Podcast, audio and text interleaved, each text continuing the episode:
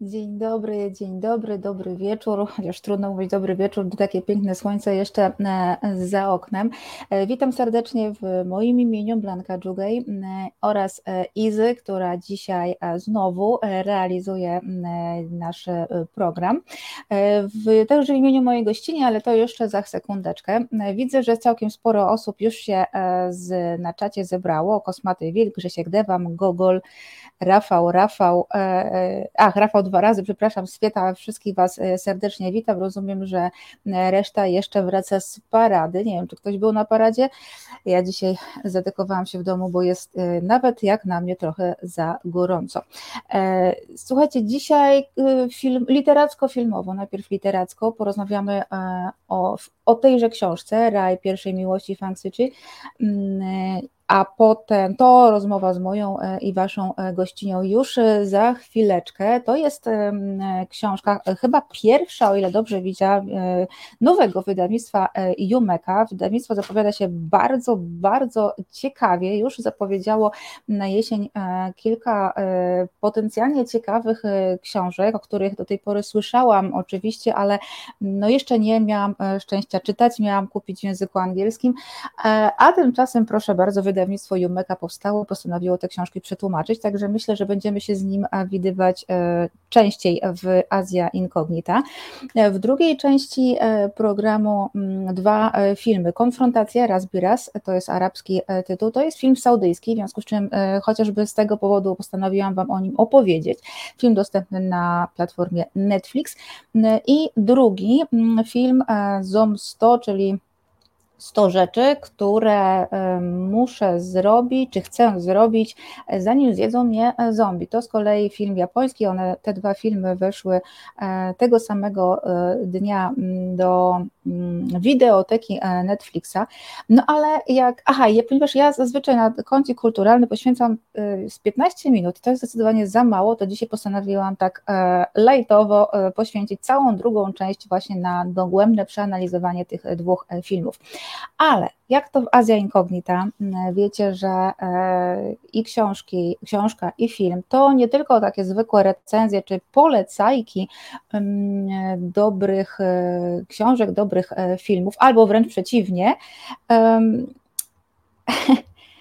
ale przez te dzieła kultury chcemy powiedzieć coś o społeczeństwach, z których te dzieła literackie powstały. No i właśnie jako taki pretekst, e, to jest dobre słowo, no ale już trudno, potraktujemy tę książkę, tylko Wayne pisze na tak zwanej paradzie nie byłem i w telewizji nie oglądałem, szkoda mi było czasu na słuchanie tych politycznych e, bredni. Bardzo jest e, przykro, że takie święto jest kolejnym, jest wykorzystywane do propagandy mm, jedynie niesłusznie rządzącej e, naszej e, partii.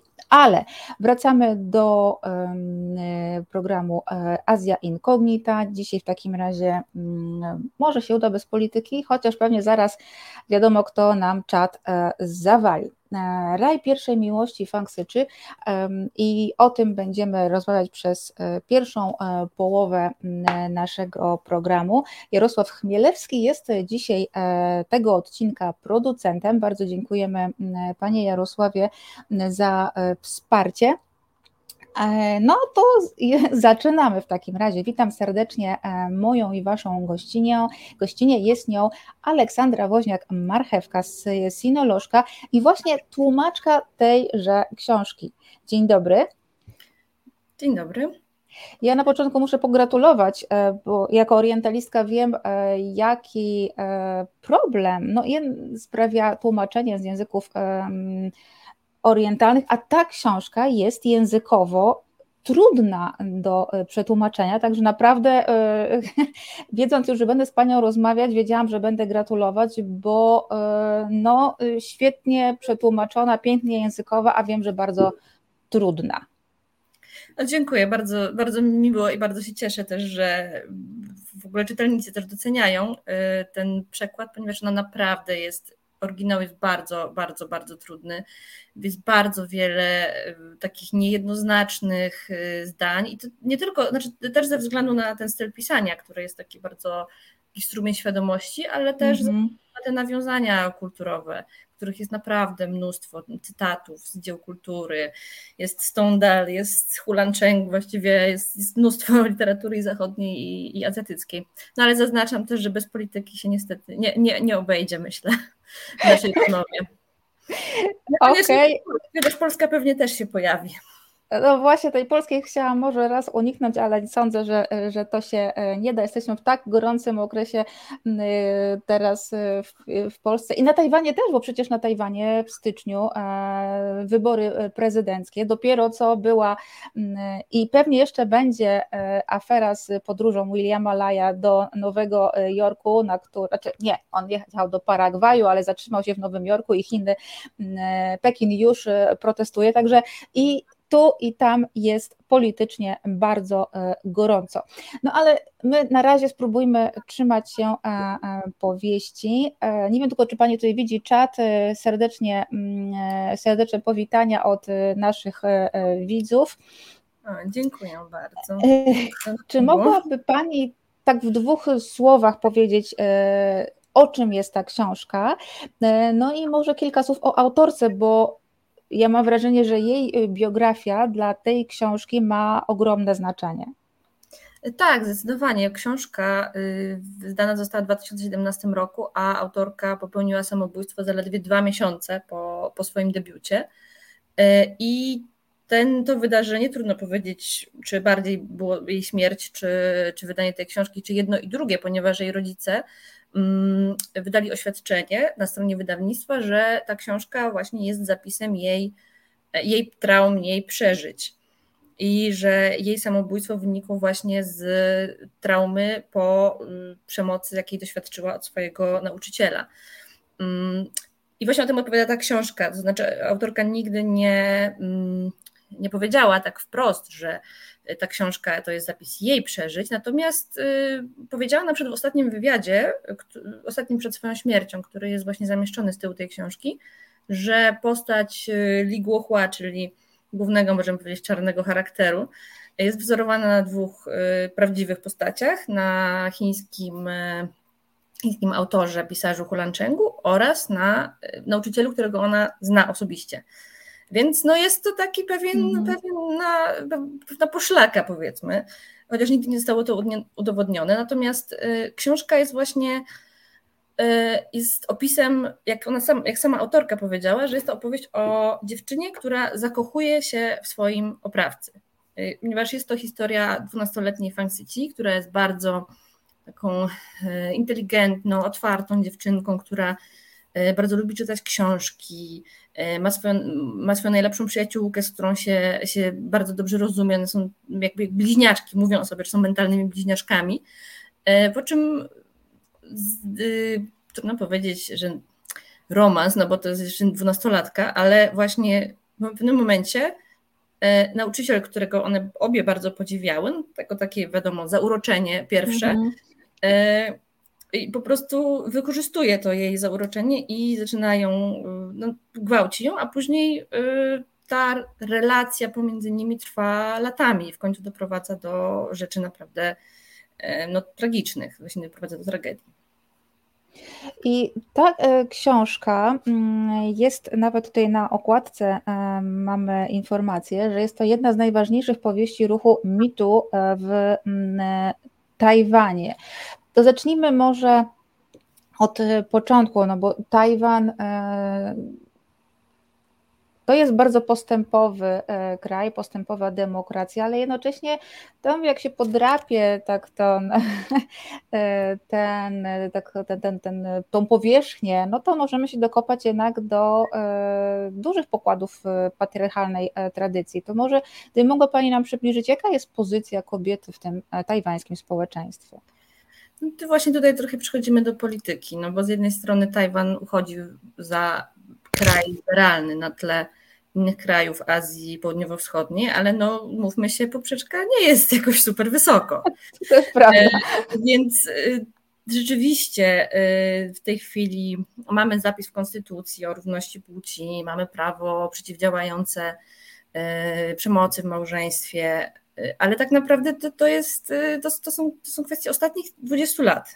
Te, te prawa mm, na przykład broniące kobiety, w, które doświadczają przemocy w małżeństwie, czy na przykład nadające kobietom prawo do zatrzymania swojej własności po rozwodzie, czy też ułatwiające im rozwód, to są kwestie ostatnich lat 98, y, początek y, lat 2000. Czyli no stosunkowo tak naprawdę niedawno. Mhm. Jednocześnie y, Tajwan dopiero w zeszłym roku, w czerwcu 2021, zniósł prawo, mm, które mm, prawo przeciwdziałające zdradzie małżeńskiej, które oznaczało, że tak naprawdę relacje z y, osobami pozostającymi w małżeństwie są y, nielegalne i grozi za nie do, no, o ile pamiętam, 90 tysięcy dolarów tajwańskich y, grzywny, to jest około chyba 10 tysięcy złotych i do roku więzienia. I zazwyczaj, co jest bardzo ciekawe, to ofiarami tego, mm, znaczy oskarżonymi i skazanymi, -hmm. to w większości są kobiety, to znaczy lekko w większości, 54%. Natomiast y, na tle tego, że kobiety stanowią w ogóle wśród skazanych na Tajwanie tam chyba 15 do 20%, no to jest to, no jest to dużo, bo y, tak naprawdę większość y, tych mm, w przypadku właśnie romansów pozamałżeńskich, to mężczyźni występują przeciwko swoim żonom, którzy je, które, które je zdradzają, ale kobiety nie występują przeciwko mężom, tylko przeciwko kochankom mężów. W związku z Jasne. tym właśnie kobiet oskarżonych o tą zdradę małżeńską jest więcej. No i jest to prawo trochę, no dość powiedzieliśmy, powiedzielibyśmy, że takie dosyć archaiczne, a zostało zniesione dopiero rok temu. Mm, no i też. E, tak, myślę, że Sławomir Mencen e, i Krzysztof Bosak w tej chwili mówią, lubię to bardzo mocno. Mhm. E, myślę, że nie, bo też by chyba trochę, znaczy może akurat nie oni osobiście, ale dużo osób w partii myślę, że by straciło na tym prawie też, być może. Mm, Przynajmniej, przynajmniej w teorii. No właśnie, teraz mówimy o tym, jak wygląda teoria, mhm. jak wygląda sprawa na papierze, a jak wygląda w rzeczywistości, bo e, z jednej strony mamy to, te wszystkie zapisy w prawie, ale społeczeństwo niekoniecznie z nich korzysta i niekoniecznie je y, wykorzystuje, bo teoretycznie no, to są te narzędzia do tego, mhm. ale mm, no, bardzo długo, teraz się to oczywiście zmienia, no bo jesteśmy świadkami takiej naprawdę dużej fali y, oskarżeń oraz takich coming outów y, kobiet w ostatnich miesiącach, ale też no, przez lata tak naprawdę uważano, że rzeczy, które się dzieją w małżeństwie, to jest sprawa prywatna, więc to się dzieje za zamkniętymi drzwiami i to są problemy, które trzeba rozwiązywać po prostu między sobą, a nie je wyciągać na zewnątrz. Także w teorii jest ok, ale niekoniecznie jest mhm. dobrze od środka, ponieważ no, społeczeństwo myślę, że potrzebuje jeszcze trochę czasu, żeby, żeby do, tego, do tego dotrzeć. Zresztą podobnie myślę, że właśnie jest w Polsce, że też mamy pewne, znaczy wiadomo, nie mamy tego dużo, ale są pewne prawa, które teoretycznie obowiązują, ale się ich po prostu nie, nie egzekwuje z różnych względów o tym, jak, e, jak długo może e, jeszcze e, trwać to do, mm, ta zmiana w społeczeństwie tajwańskim, jeszcze dzisiaj porozmawiamy. Natomiast teraz chciałabym poruszyć problem, który jest jak gdyby clue, znaczy jest clue tej książki. I i cytat, który bardzo mnie poruszył. Wargi sromowe dziewczynek wyglądają jak otwarta rana. No to jest to jest e, zdanie, które naprawdę e, tak się chyba kobiecym czytelniczkom e, no bardzo mocno wbija w emocje. No i stąd też jest takie pytanie, jak dużym problemem jest przemoc seksualna wobec kobiet w społeczeństwie tajwańskim i czy kobiety są bezbronne wobec tego. Mówię tutaj głównie o kwestie prawne. Mm, no, myślę, że do końca tego nie wiemy, ponieważ te rzeczy oczywiście są, są zgłaszane, ale e, nie jest tych zgłoszeń pewnie tak dużo, jak, e, jak naprawdę są. E, znaczy, tak tyle, ile jest, jest, jest w mhm. rzeczywistości. No plus właśnie to, co już, to, co, o, o czym już rozmawiałyśmy, że mają teoretycznie narzędzia do zgłaszania tego, natomiast y, mało kto to robi i to też y, pokazuje właśnie ta fala mitu, która jest teraz, że dużo kobiet takich y, powiedzmy celebrytek opowiada o sytuacjach, które spotkały je powiedzmy 10 lat temu. Mhm.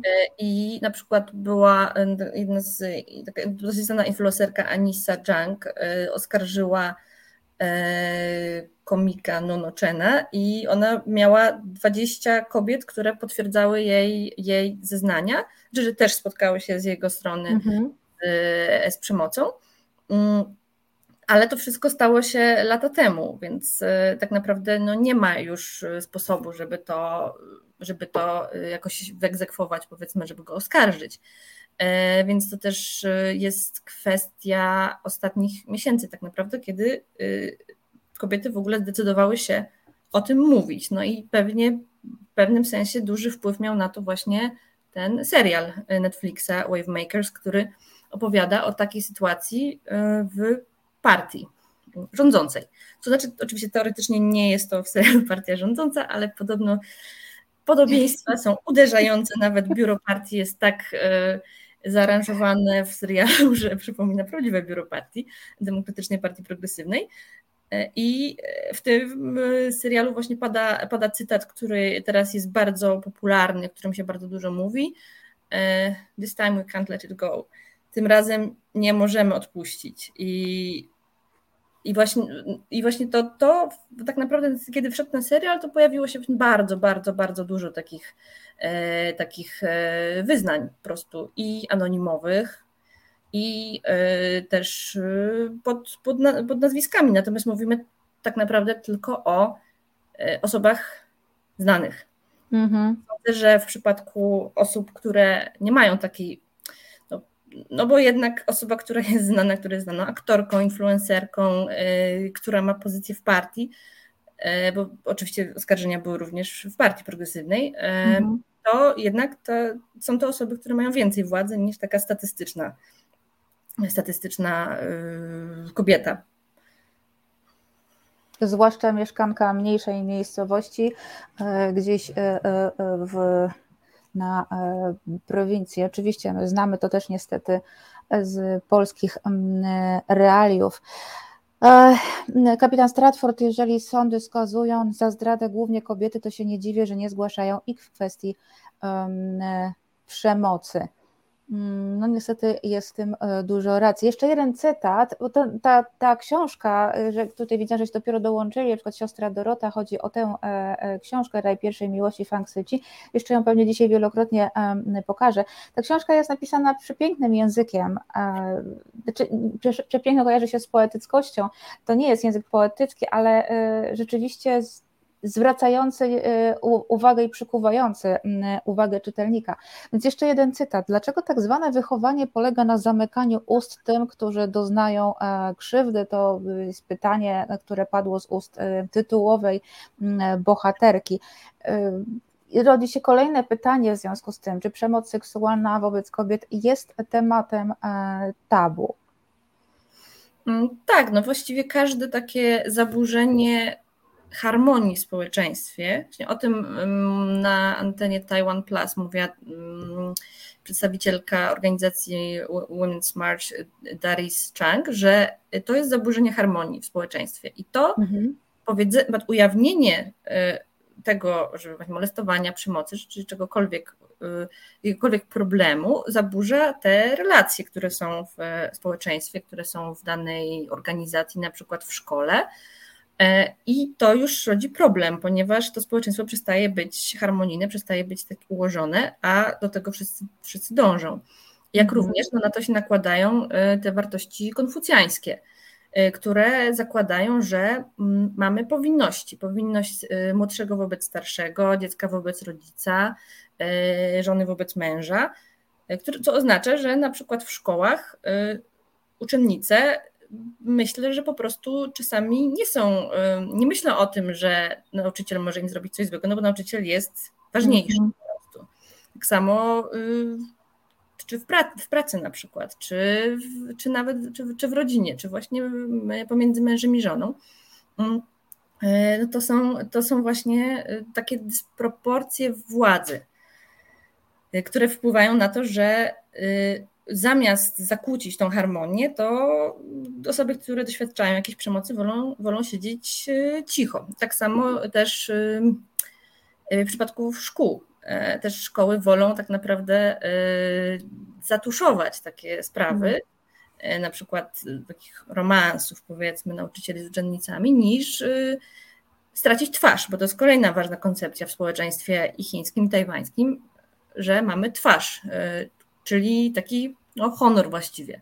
Więc jeżeli taka szkoła by się przyznała do tego, że nauczyciel, który u nich uczy, jest, wypuścił się jakiegoś niewłaściwego zachowania, molestowania czy gwałtu, to ta szkoła traci twarz automatycznie, bo zatrudniła kogoś takiego, więc lepiej to załatwić po cichu, żeby mhm. nie było skandalu. Więc to i to samo dotyczy też innych sfer, że lepiej jest po prostu na to przymknąć oko, czy zamieść pod dywan i nie myśleć o tym, że, e, że to, to coś takiego się wydarzyło, nie przyznawać się przede wszystkim do tego.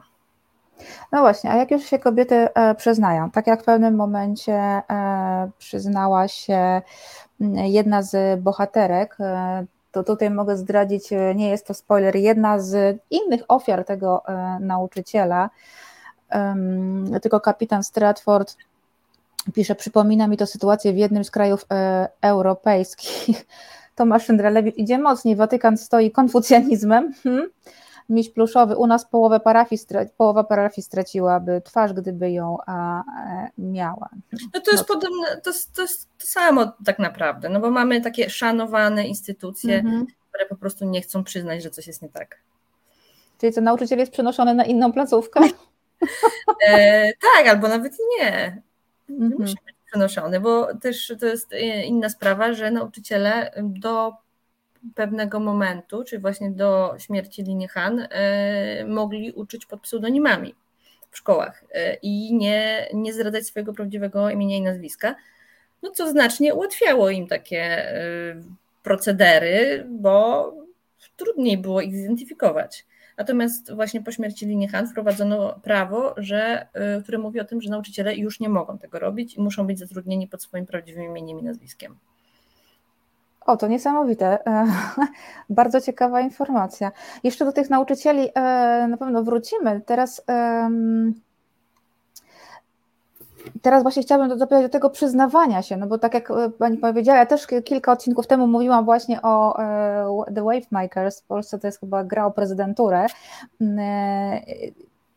Czyli kobiety zaczynają się przyznawać. I jedna z bohaterek powieści też e, pisze e, obszerny post na jakimś forum internetowym, gdzie opisuje całą sytuację, jak została zgwałcona, e, uwiedziona przez swojego nauczyciela, tego samego, który uwiódł tytułową bohaterkę.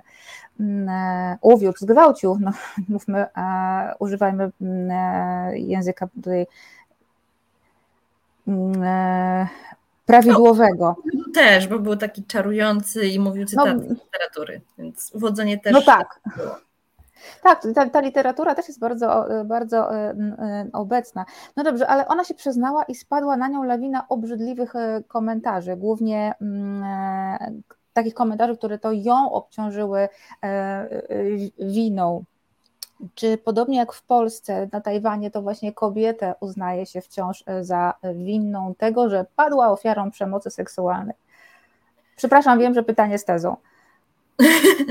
to znaczy, mm, ja nie generalizowałam, że akurat w Polsce tak jest, bo myślę, że trzeba rozróżnić e, to, co ludzie piszą w internecie i mhm. też to, co ludzie mówią poza internetem i to, jak się zachowują władze, bo myślę, że jeżeli chodzi o internet, to tutaj mamy sytuację, w której dziewczyna anonimowa oskarżyła bardzo szanowanego e, nauczyciela, e, czyli po, po pierwsze człowieka, który jest wyżej od niej e, mhm. w hierarchii i rzeczywiście mm, w takiej, w takiej sytuacji no, to jest też właśnie zaburzenie tej harmonii.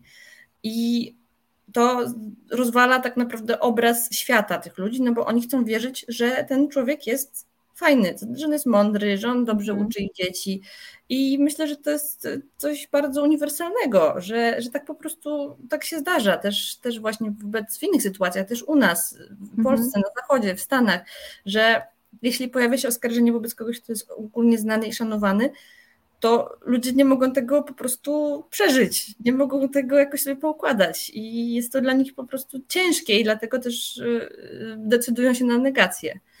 E, więc to, to, to myślę, że jedna rzecz, więc mhm. Y, tego jest rzeczywiście, myślę, że komentarze, no na pewno po prostu się, się znajdą wszędzie takie komentarze. Mm, natomiast myślę, że ważne jest też to, jak y, reaguje władza, ponieważ no, mhm. u nas no, wiemy, jaka jest reakcja władzy, żadna. Natomiast na Tajwanie mimo wszystko, znaczy mimo tego, że tak naprawdę wszystkie partie, y, łącznie partia rządząca, Kuomintang, y, pomniejsze partie, wobec wszystkich tych partii pojawiły się jakieś oskarżenia, czy członków tych partii, to te partie przepraszają. Y, mhm. Prezydentka Tsai Ing-wen już przepraszała kilka razy. Mhm. Członkowie partii, Demokratycznej Partii Progresywnej przepraszali na konferencji, kłaniali się i przepraszali za, za to, co, co zrobili ich koledzy. I to jest coś, co w czego w Polsce nie ma. I to daje jakąś też nadzieję na to, że rzeczywiście coś z tym chcą zrobić. Nie wiem, czy naprawdę, czy to jest takie no, ratowanie się po prostu w obliczu tego, że niedługo jest kampania wyborcza. No miejmy nadzieję, że nie. Mhm. No, miejmy nadzieję, nie wiadomo, nie wiadomo jak z tym jest. Natomiast y, no właśnie jeżeli chodzi o reakcję ludzi, to myślę, że no zawsze niestety znajdą się y, i takie, i takie komentarze, ponieważ y, to jest coś, co jest dla społeczeństwa trudne, zwłaszcza dla takiego społeczeństwa jak tajwańskie, w ogóle jak społeczeństwa azjatyckie, które mhm. są bardzo kolektywne i bardzo chcą być, żeby wszystko było harmonijne, żeby nic się nie działo.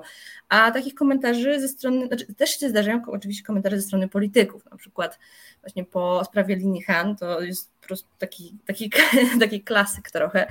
E, były urzędnik e, Guo Guaning chyba się nazywał, powiedział, że no, że przecież to jest tylko historia o pięknej e, kobiecie z Tajnan, a w Tajnanie przecież nie ma pięknych kobiet za bardzo, więc fajnie, ha, ha, ha, która zakochała się w bogatym i wpływowym mężczyźnie i to opisała, więc wszystko jest fajnie. E, ale z drugiej strony takie komentarze, no to też się u nas zdarzają, to znaczy ja to traktuję szczerze mówiąc jako takie, takie trochę jakby to, bo myślę, że jakbyśmy usunęli Tajnan i E, albo z innych jego komentarzy byśmy uznali nazwiska, no to mógłby być równie dobrze Janusz Korwin-Mikke. Po prostu taki folklor lokalny. Bo też na przykład zdarzyło się e, w, pod koniec zeszłego roku mm, jedna z członkiń e, partii rządzącej mm, zgłosiła i powiedziała publicznie o tym, że pobił ją jej partner. I jeden z polityków Gomindangu powiedział, że ona sobie na to zasłużyła. Mhm chodziło o to, że ona czytała SMS-y od swojego byłego faceta. Ach, no e, tak. I on został, ten, ten y, polityk Kuomintangu, od razu partia za niego przeprosiła, on przeprosił. E, także z jednej strony takie komentarze się oczywiście zdarzają, ale myślę, że to jeżeli partia od razu przeprasza, to znaczy, że ten standard jednak jest trochę wyżej. Zdecydowanie Zdecydowanie e, tak. Tutaj Henryk e, pisał, e, że żeby było śmiesznie, moja córka mieszka na Tajwanie. Panie Henryku, to jest piękne miejsce. O, to jest, to jest wspaniały kraj. Znaczy my tak mówimy tutaj o nim brzydkie rzeczy, ale myślę, że to naprawdę to jest, to jest bardzo fajny kraj. To jest bardzo fajny kraj, fajne miejsce do życia, chociaż teraz jest na pewno e, e, ciężej. No my mówimy o jakimś jednym e, problemie, ale na przykład w przyszłym tygodniu będziemy mówić zupełnie o czymś innym. Też będzie Tajwan, jeśli wszyscy bogowie mm, nam na to pozwolą, bo nigdy nic nie wiadomo. Także mamy dwa odcinki tajwańskie, ale o tym, mm, o tym później. Tak, to, co w tej książce może rzeczywiście wywołać kontrowersje mm, w takich tradycyjnych społeczeństwach, także w polskim, bo umówmy się, że mamy jeszcze bardzo mocno patriarchalne, tradycyjne społeczeństwo, to jest właśnie ta kwestia, o której Pani wspomniała, że ona się, ta, ta tytułowa bohaterka zakochała się w mm, swoim oprawcy, chociaż ona sobie trochę tę miłość narzuciła, żeby też zachować jakieś chyba zdrowie psychiczne. Natomiast i tutaj szukam tego fragmentu, ale nie mogę tego znaleźć, żeby odnieść się do słów tego polityka. Mm, jest. Y, jeśli czytelnik podczas lektury nie dostrzeże gwałtu i molestowania w tej książce, to znaczy, że udaje ślepego i e, głuchego. Mm, tak, to jest, y, bo to jest, no to jest powieść pisana z perspektywy na początku dziewczynki 12-letniej, która mm. później y, kończy się w momencie, kiedy ona ma 17 lat, także oczywiście, że ona ze swojej perspektywy stara się tą to jakoś przeżyć. No a żeby to mhm. przeżyć, żeby nie mieć, no powiedzieć, żeby w ogóle jakoś sobie z tym poradzić, to stwierdza, że ona jest też taki fragment, kiedy ona mówi sobie, że jeżeli go pokocham, to on będzie mógł mi zrobić wszystko, bo osoba, którą kochasz, może ci zrobić wszystko. Tak. Oczywiście nie, nie jest to prawda i nie powinna być to prawda i jest to bardzo opis bardzo toksycznej relacji, ale no taka ich relacja też była. I zdecydowanie ona stara się to jakoś przeżyć. E, I próbuje to zrobić właśnie w ten sposób, że to romantyzuje poniekąd, ale też, też jest to kwestia tej literatury, o której też wspomniałyśmy, że no, literatura jest też trochę winna temu, bo mhm. literatura romantyzuje takie relacje, prawda, że zakazane relacje, że jak, jak bije, to kocha. Oczywiście to się teraz zmienia i też czytamy książki z, sprzed lat z zupełnie innym podejściem, ale no do pewnego momentu takie podejście trochę było, że jak ktoś na przykład y, mężczyzna nie akceptuje od kobiety słowa nie, to, to fajnie, bo mu zależy.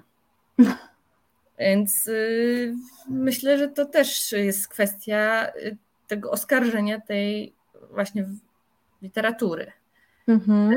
którego ona też dokonuje w tej, w, w tej książce. I o tym też za chwileczkę jeszcze porozmawiamy, a w tej chwili e, robimy króciutką e, i za króciutką przerwę mamy jeszcze dużo do opowiedzenia, więc króciutką e, przerwę na muzykę i za chwileczkę wracamy. Miejsca nienumerowane. To audycja od kinomanów dla kinomanów. Piotr Kurczewski i Maciej Tomaszewski w rozmowach z gośćmi, ale też ze słuchaczami będą dyskutować o filmach i serialach, zarówno aktualnych, jak i tych kultowych. Pozycja obowiązkowa dla każdej fanki i fana srebrnego ekranu. W każdą środę między 21 a 22.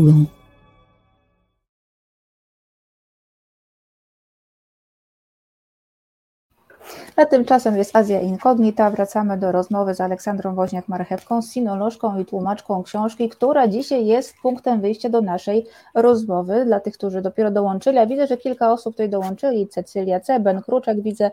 Mm, e, to jest e, Raj Pierwszej Miłości Frank City, e, wydanej przez wydawnictwo Jumeka, nowe na polskim rynku. Super w ogóle, że na marginesie rzecz pojawia się kolejne wydawnictwo, które zajmuje się wyłącznie literaturą mm, azjatycką. Do tej pory były to tylko tajfuny i kwiaty e, Orientu, a teraz e, proszę bardzo, także trzymamy e, kciuki.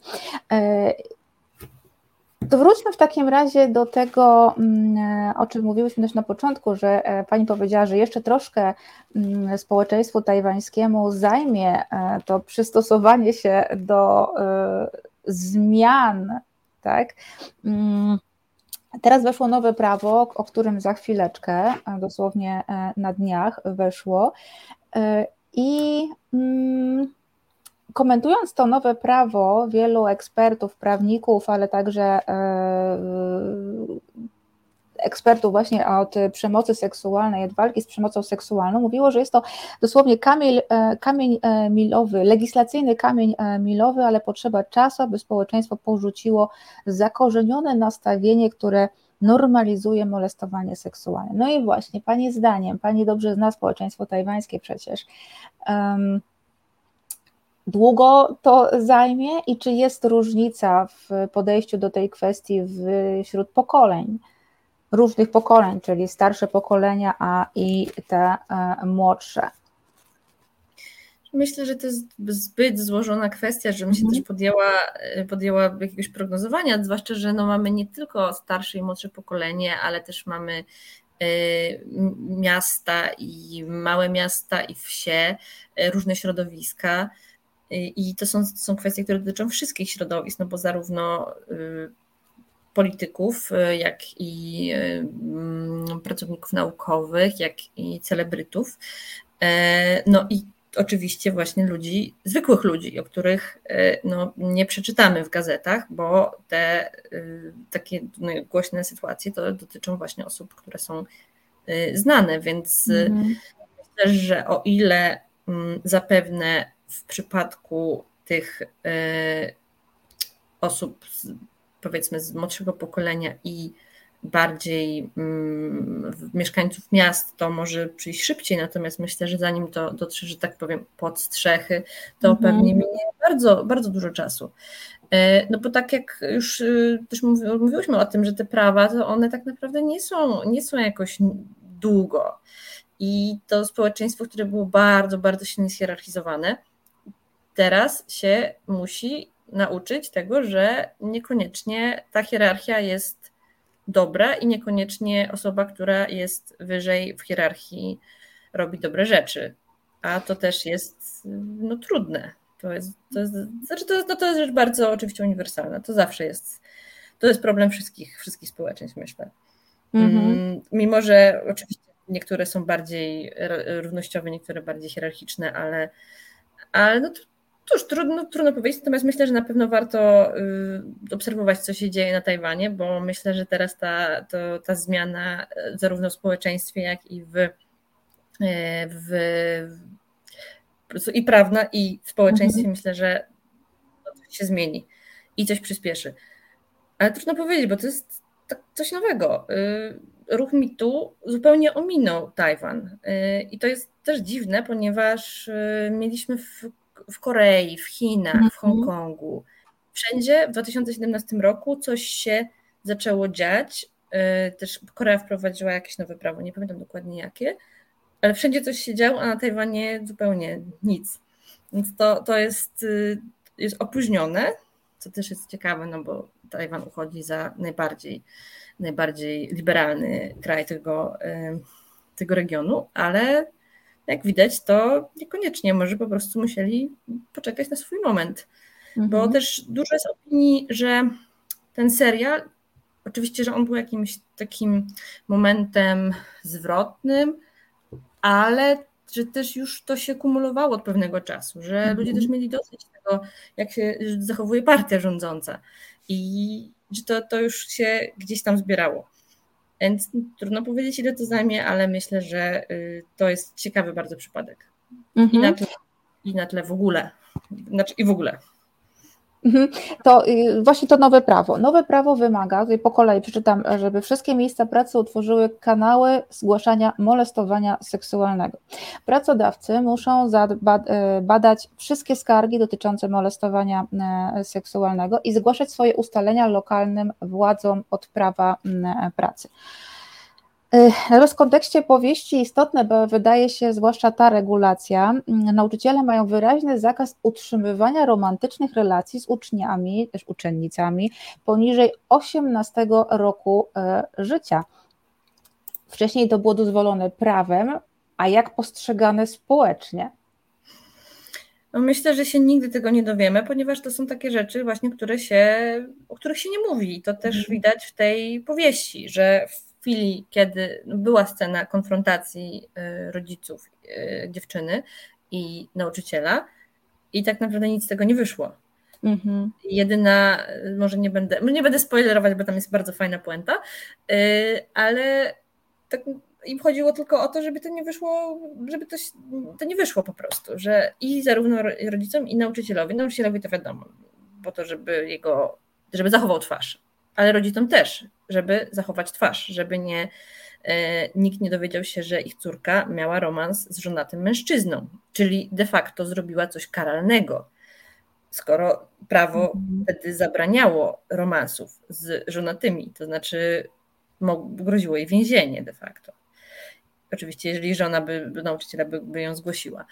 E, więc myślę, że nigdy się tak naprawdę nie dowiemy, jak ludzie co o tym sądzili, ponieważ tu również mamy pewien rozdźwięk, bo z jednej strony y, jest y, no takie zamiatanie pod dywan to jest trochę cicha akceptacja, w sensie, że nie no tak. występujemy przeciwko temu, ale z drugiej strony y, w momencie, kiedy to prawo o zdradach małżeńskich zostało e, zmienione, to tak na poparcie wcale nie było takie duże, to było pół na pół mhm. mniej więcej.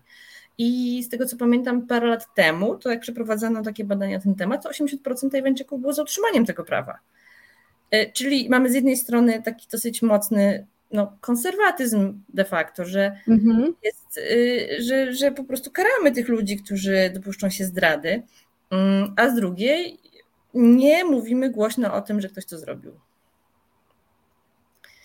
To jeszcze jedna forma e, przemocy, której doświadcza inna bohaterka, bardzo bliska tytułowej bohaterce, tytułowej Fang City. Mm, wyleciało mi w tej chwili jej imię, Iwen chyba. Mhm.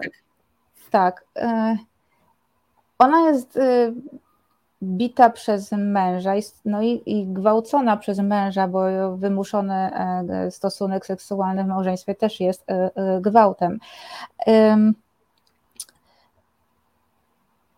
Jak duży jest to problem na Tajwanie? Czy w ogóle może są jakieś statystyki, czy, czy to też jest e, zamiatane e, pod dywan? Czy e, nie powiem, jak się skończyło małżeństwo tej bohaterki, bo mam nadzieję, że jednak nasi widzowie sięgną po tę książkę, ale czy mogą odejść od takiego męża? Mają możliwości powrotu do rodziców albo same pracują? No i jak na te rozwody patrzy społeczeństwo? Odsetek rozwodów jest dosyć wysoki, jest wyższy hmm. niż w Polsce. O. E, co jest dosyć dziwne, bo bardzo długo y, było takim dominującym y, poglądem było to, że e, no, po pierwsze właśnie, że to trzeba zachować, trzeba się dogadać po prostu w, ze sobą e, i nie, nie wywlekać tego na, na, na zewnątrz, ale też, że najważniejsze są dzieci i że na dobre dzieci powinni być razem. E, więc ten odsetek rozwodów jest dosyć, rzeczywiście dosyć e, tutaj mhm. zastanawiający. Mm, natomiast jeżeli chodzi o przemoc domową, e, to Tajwan był pierwszym chyba krajem w Azji, nie wiem czy Azji Południowo-Wschodniej, czy w ogóle w każdym razie w regionie, który wprowadził takie prawo, które zabraniało przemocy, znaczy zabraniało, no, które umożliwiało ofiarom przemocy domowej oskarżenie współmałżonka. Mhm. Ale to prawo też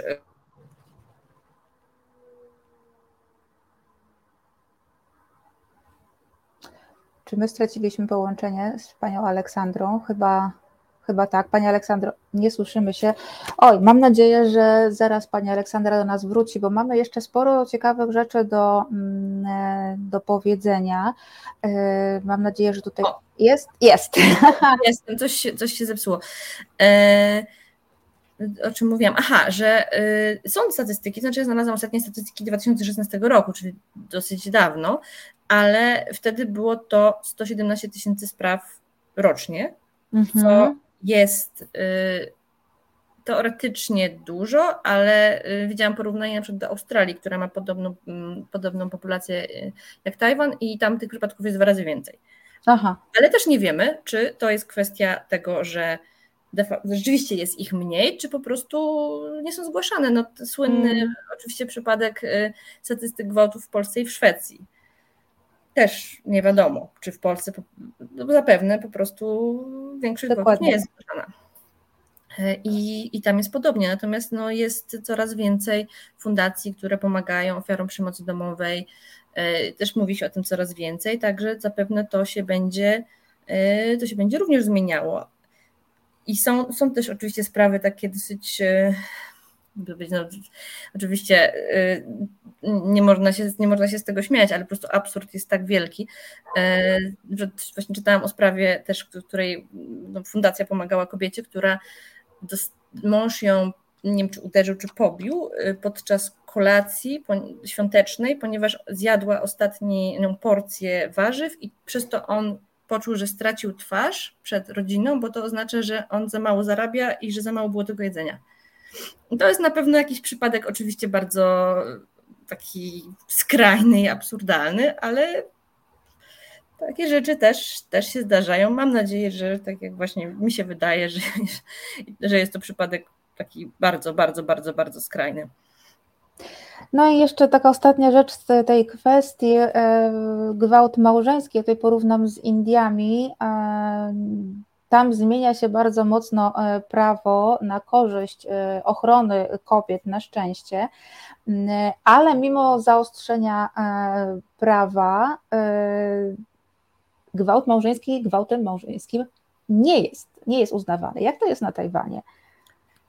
To prawo z 1998 roku które y, prawo dotyczące przeciwdziałania przemocy domowej, ono mm, y, zawiera w sobie y, mhm. też przemoc seksualną, natomiast jeżeli chodzi o sprawy, które są zgłaszane, z tego co czytałam, to sprawy o przemoc seksualną ze strony współmałżonka stanowią bardzo no, znaczną mniejszość. Mhm. Także zapewne po prostu jest to kwestia też te, również tego, że nie jest, to, nie jest to zgłaszane, natomiast w prawie to jest, bo no, tak jak już umawiałyśmy, w prawie tam jest bardzo dużo, narzędzia są całkiem mhm. naprawdę dobre.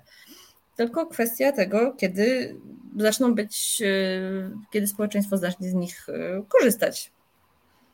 Jasne. Y, to w takim razie e, organizacje, właśnie wyczytałam, że organizacje mm, społeczne, takie, które wspierają ofiary przemocy seksualnej, mówią, że w ostatnich e, miesiącach, e, na przykład jedna z nich powie, poinformowała, że w ostatnich miesiącach aż dwudziestokrotnie e, wzrosła liczba spraw wniesionych przez domniemane ofiary.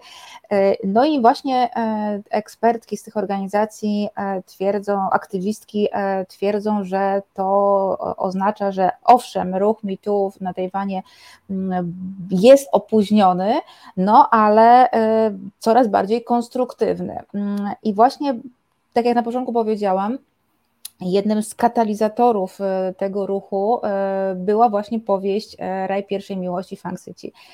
Może Pani powiedzieć, w jaki sposób? Hmm, trudno powiedzieć, czy katalizatorem. Wydaje mi się, że ona była trochę taką pierwszym pierwszą jaskółką zmian. Mm -hmm. W momencie, kiedy mm -hmm. ona się pojawiła, to był taki pierwszy utwór kultury, który otwarcie mówił o pewnych rzeczach i był tajwański. Znaczy nie, mhm. nie było to coś, film o, film o problemach molestowania na przykład z Europy czy ze Stanów. Jasne. To było coś, co było, y, otwarcie mówiło o problemach, które są na miejscu. Mhm. E, I tak właśnie jak wspomniałam też, to y, doprowadziło do zaostrzenia prawa, zaostrzenia kontroli nad, e, nad nauczycielami, którzy uczą w tych szkołach przygotowujących do egzaminów. E, także zdecydowanie to y, było dosyć, to, to, to była realna zmiana, natomiast y, po śmierci autorki to było, było po prostu bardzo dużo komentarzy, bardzo duży taki bardzo duży odzew w społeczeństwie, jej, jej śmierć przede wszystkim i, mm i też mhm. no, jej, jej książka um, wywołały. E, I dużo osób pisało właśnie w internecie, że, e, że nie, nie możemy do tego dopuścić, że nie możemy dopuścić do tego, żeby była kolejna Frank City. E, no to jak widać, to, to była, była pewna zmiana, ale nie doprowadziło to do takiej po prostu fali jak teraz zresztą no, no man omen po, wave, po Wavemakers, e, ale no, było to pierwszy, pierwszy taki, mm, mhm. pierwsza, pierwsze takie wyznanie, e, też trudno powiedzieć, czy wyznanie, bo autorka nigdy nie powiedziała, że to jest jej wyznanie, natomiast no, e, bardzo dużo faktów z jej biografii świadczy o tym, że no przynajmniej część z tych rzeczy jest bazowana na jej prawdziwych przeżyciach bo ona również była w, w związku z, z, nauczycielem i on mhm. był też bardzo, no, po prostu internet się na niego rzucił dosłownie. Natomiast czy był winny, czy nie, bo w końcu proces, y, uniewiniono go z braku dowodów, że y, relacja z, właśnie z Lin Han była że zaczęła się zanim ona ukończyła, nie pamiętam czy 18 czy 16 lat. Mhm. E, bo ona miała, ona miała problemy, znaczy największe problemy ze zdrowiem psychicznym ona miała od 17 roku życia, co by się trochę pokrywało czasowo. E, mhm. Trudno powiedzieć. Oczywiście to są tylko, to są tylko takie e, teorie. Natomiast no, nie zostało nic udowodnione. On oczywiście powiedział, że owszem, oni mieli romans, natomiast i on oczywiście był żonaty, natomiast ten romans y, się zaczął w momencie, kiedy ona już była pełnoletnia i w momencie, kiedy, um, kiedy już nie była jego uczennicą. Mhm. Jak było, no to trudno powiedzieć, więc była jakaś zmiana, było poruszenie. Y, dobrze, że w jakimś stopniu to przyczyniło się do zmiany w prawie, ale no potem nastąpiło parę lat ciszy i teraz dopiero e, jest, e, może się to jakoś kumulowało i teraz mhm. dopiero mamy taki naprawdę taką bardzo dużą falę e, tych wyznań, oskarżeń i historii sprzed lat. Powiedziała Pani właśnie o problemach psychicznych, ze zdrowiem psychicznym Lin Han, autorki książki, o której rozmawiamy. No i właśnie ona też określana jest jako propagatorka destygmatyzacji problemów ze zdrowiem mentalnym. Czy to jest duże tabu w społeczeństwie tajwańskim? Znaczy jest coraz mniejsze, tak jak, mhm. tak jak wszędzie. E, powstaje dużo organizacji, które pomagają e, osobom, które się zmagają z takimi problemami. Dużo um, osób otwarcie zaczyna mówić o tym, e, że, że, że same mają takie problemy. Natomiast w tych czasach, kiedy Lini Han się, um, kiedy ona się zaczynała leczyć, to, no to było, to musiało być około 2000 10-11 roku. I wtedy rzeczywiście y, ona wspomina o tym, że mm, musiała jeździć do psychiatry z Tainanu do Taipei, mhm. żeby nikt nie wiedział, że ona się leczy. Żeby nikt, że tak powiem, z sąsiadów nie wiedział, co się, co się z nią dzieje, ponieważ ona była córką znanego lekarza. Więc y, poniekąd mm, no, szanowany zawód i y, to trudno powiedzieć, z czego to tak naprawdę wynikało, ale też y, zwróćmy uwagę na to, to jest akurat to jest moja prywatna te teoria, że w mm, oświadczeniu, które wydali jej rodzice, jest mowa o tym, że ona nie popełniła samobójstwa z powodu depresji, tylko z powodu traumy po tym gwałcie. Aha. Co tak trochę jest dla mnie takie trochę problematyczne, bo mhm. no jedno drugiego nie wyklucza oczywiście, bo ona mogła mieć problemy właśnie z powodu traumy. Natomiast to jest takie trochę, to brzmi troszeczkę jakby oni mówili, nie, nie, nie, ona nie miała depresji, nie, wszystko, to nie, to, to tutaj to jest konkretny powód, nie miała żadnej depresji. Mm, więc no oczywiście, nie wiem, trudno mi powiedzieć, no też, też wiadomo, że to był bardzo dla niej duży cios i pewnie e, pewnie też no, nie można oceniać tego, co, co mhm. wtedy napisali i co powiedzieli, ale było to takie trochę, e, trochę dziwne w tym mhm. No i też no, biorąc pod uwagę to, że właśnie musiała jeździć dwa razy w tygodniu do innego miasta, też przez to opuszczała zajęcia w szkole, żeby nikt nie, nie dowiedział się, że ona się leczy. I to jest trochę też właśnie no, pokazuje, że jest to dosyć, no, był, był wtedy to dosyć duży problem. I też w tamtych czasach e, była jakaś taka statystyka, że rząd tajwański wydaje, mm, teraz nie pamiętam chwileczkę, żeby nie, y, spojrzę sobie w notatki, mhm. nie czy miesięcznie, czy rocznie, chyba miesięcznie, jednego, mniej niż jednego dolara tajwańskiego na pacjenta. E, na, na, obywatela, na obywatela, mhm. nie na pacjenta, przepraszam, ale to wciąż nie jest, nie jest, nie jest zbyt dużo. No nie.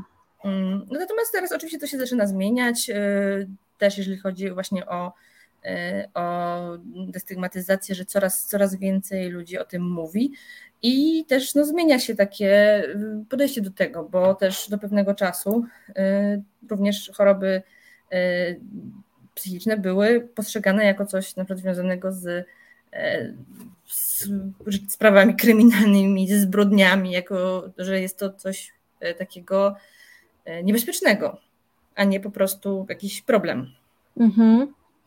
A mm, z czego y, Pani zdaniem, jako osoby, która dobrze zna y, społeczeństwo tajwańskie, może wynikać właśnie ta stygmatyzacja problemów ze zdrowiem mentalnym? No, myślę, że z tego też to jest troszeczkę uniwersalne, ale na Tajwanie trochę bardziej e, widoczne ze względu właśnie na to zaburzenie harmonii, bo taka osoba, która jest, która ma takie problemy, y, nie może spełniać swojej roli jako ma, znaczy ma problemy ze spełnianiem swojej roli jako ten członek społeczeństwa i mhm. E, tr, trudno jest spełnić po prostu te oczekiwania. Na przykład Lini Han w, e, opuszczała dużo zajęć w, na uniwersytecie, zaczęła jeden kierunek studiów, potem go rzuciła, potem zaczęła drugi. Po jakimś czasie też go rzuciła. Nie mogła, nie była w stanie chodzić na zajęcia. E, I to jest w społeczeństwie, które oczekuje, że będziemy bardzo produktywni, że w którym wykształcenie jest super ważne i od najmłodszych lat musimy chodzić do tych szkół przygotowujących do egzaminów mm. codziennie, po prostu godzinami, e, to fakt, że ona, córka lekarza, że dostała się na uniwersytet i ona nie dała rady, to, to, jest, to jest już coś takiego, no, co zaburza zaburza mm, tą harmonię społeczną i te oczekiwania. Mhm. A poza tym też, też jest to coś, co, to jest już sprawa uniwersalna, mm, coś, co nie jest udowadnialne. To znaczy, nikt nie wie, jak się czujemy i nie, możemy tylko o tym mówić. I na przykład Lini Han też wspominała o tym, że kiedy przyniosła y, zaświadczenie od y, psychiatry swojemu dziekanowi, on powiedział, ale ja widziałem dużo osób, które y, miały problemy, miały próby samobójcze, ale ty na taką nie wyglądasz. Więc to jest również to, że to bazuje trochę na zaufaniu i na wierze, że na, na takiej, na tym, że ufamy komuś, że on mówi na, że on naprawdę tak się czuje. I że to nie jest tylko to, że nie chce być e, takim dobrze funkcjonującym elementem społeczeństwa, tylko po prostu naprawdę nie może. Mhm. To. Na sam e, koniec, e, bo już musimy e, kończyć, jesteśmy umówione na godzinę, trzymam się tego. Chciałabym zapytać Panią już ściśle o sam przekład książki. Ja, moje zdanie, widząc o książce, zaraz powiem, aczkolwiek chyba już widać, że jest bardzo pozytywne i będę ją rekomendować. Chciałabym zapytać, tak jako orientalistka, orientalistkę, co było największym wyzwaniem w tłumaczeniu tej książki? Boże, trudno powiedzieć. No, myślę, że tu są trzy poziomy, bo po pierwsze mhm. przekład mhm. literatury, znaczy po pierwsze w ogóle przekład jest rzeczą trudną. Przykład literatury, w którym nie tylko przekładamy słowa i sensy, ale też po prostu musimy mm, wiedzieć, co, czy nie wiedzieć, ale domyślać się, o co chodzi, co autor miał na myśli, jaki to jest, jakim rejestrze on mówi, dlaczego, co chce, co chce przekazać e, czytelnikowi. E, I, a tutaj to jest bardzo ważne, bo też e, autorka wspominała o tym, że pisanie dawało jej taki, taki wentyl bezpieczeństwa, że nikt jej nie chciał słuchać, dlatego ona pisała i też pokazywała to w internecie, mhm. umieszczała. I to było dla niej ważne, że ludzie to, to czytają i że mogą ją zrozumieć. Więc po pierwsze, właśnie przekład literatury, bo literatura jest zazwyczaj przynajmniej ta literatura piękna, jest y, jakimś odbiciem jednak autora. I to musi być widoczne również w przekładzie. Po drugie, na przykład z języka chińskiego jest, to jest naprawdę wyzwanie. Znaczy język chiński jest bardzo, bardzo taki eliptyczny. Mhm. Czasami nie wiadomo, co się dzieje, kto, co jest podmiotem, co jest orzeczeniem. Y, a w tej książce to jest jeszcze, jeszcze jest trudniej, ponieważ no tam na przykład nie mamy wydzielonych dialogów. Znaczy mhm. nie zawsze mamy wydzielone dialogi i na przykład nie wiemy, kto co mówi. E, I nie wiemy, gdzie jest, y, gdzie jest osoba mówiąca, kto do kogo, dla, kto, kto się wypowiada, kto mówi do kogo, czy on to myśli, czy on to mówi. E, a od tego zależy też tej wypowiedzi. E, więc no i też y, bardzo dużo było w tej książce nawiązań. Mm, też takich cytatów, na przykład z literatury klasycznej, i to trzeba było jakoś wyłapać. E, takie porównania, e, oni tam dużo bardzo rozmawiają właśnie o malarstwie, na przykład mhm. taki moment, kiedy Li Guohua mówi do Syci, że e, ty jesteś takim stylem malarskim teraz, a ja jestem takim, bo oni tam mhm. byli zmoczeni przez deszcz i, no, i to też, to wszystko trzeba jakoś przełożyć, żeby to miało sens dla, dla polskiego czytelnika, który nie wie, jak te obrazy wyglądają. A też y, no, wielu czytelników lubi, lubi przypisy, ja też bardzo lubię, ale z drugiej strony, jak mam trzy przypisy na jednej stronie, no to nie da się, nie da się tego czytać, więc też no, trzeba, trzeba myśleć nad czytelnikiem. To, jest, to bywa, bywa trudne, bywa trudne naprawdę. Więc też w niektórych momentach po prostu y, stwierdziłam, że na przykład było taki, e, było zdanie, w którym było, była mowa o pejzażu Shanshui. Mhm. No, nie trzeba, no pejzaż to pejzaż, to nie jest ważne, czy to jest pejzaż Shanshui, czy jakikolwiek inny, bo Shanshui to dosłownie jest, jest, jest po prostu rodzaj pejzażu. E, także no, no było tego naprawdę dużo i na przykład jest taki jest scena, nawiązanie do powieści Stondala, to Boże, ile się trzeba było naczytać o tym Stondalu, o co tam chodzi. tym, to chyba w Strasburgu się dzieje, o Boże.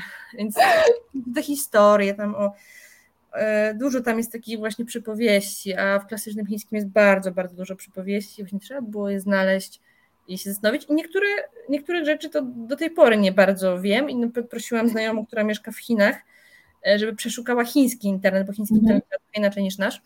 Mm, znaczy niż nasz, kiedy próbujemy wyszukiwać po chińsku, bo to jest jednak inny trochę Google, inaczej, inaczej skalibrowany i, i też średnio. Także naprawdę to jest, to jest powieść, która jest no, dużym, dużym wyzwaniem. I za, zarówno ze względu na ten styl, taki mm, język i styl i, te, i treść też, no bo to, to nie jest przyjemna treść. No te opisy przemocy są bardzo takie, mhm. e, bardzo dosłowne i to też jest y, taka różnica pomiędzy tym, jak bardzo poetyckie są y, niektóre opisy wypowiedzi, i to, jak potem się przechodzi do tych, y, do tych wątków, do tych scen przemocy, które są bardzo mhm. takie słowne i takie naturalistyczne i bardzo brutalne. Mhm.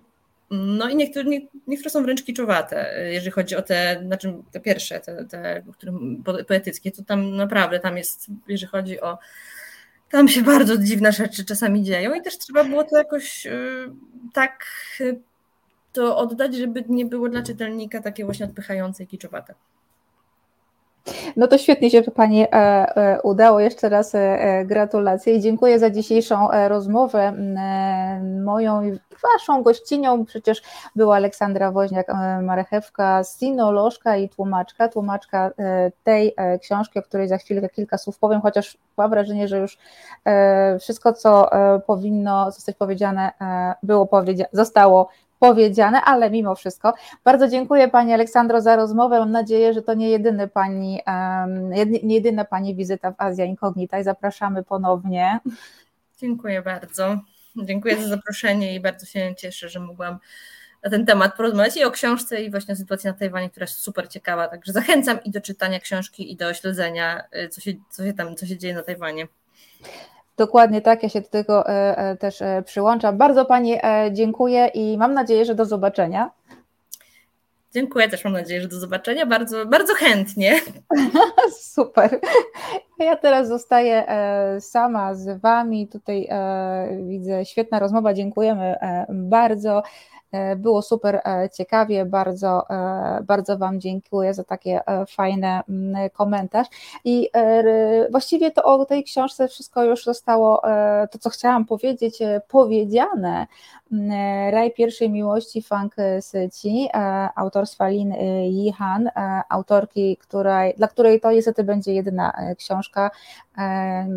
Lin Yihan w młodym, bardzo młodym wieku popełniła samobójstwo Mm, o czym tutaj e, mówiła mm, już e, e, gościni.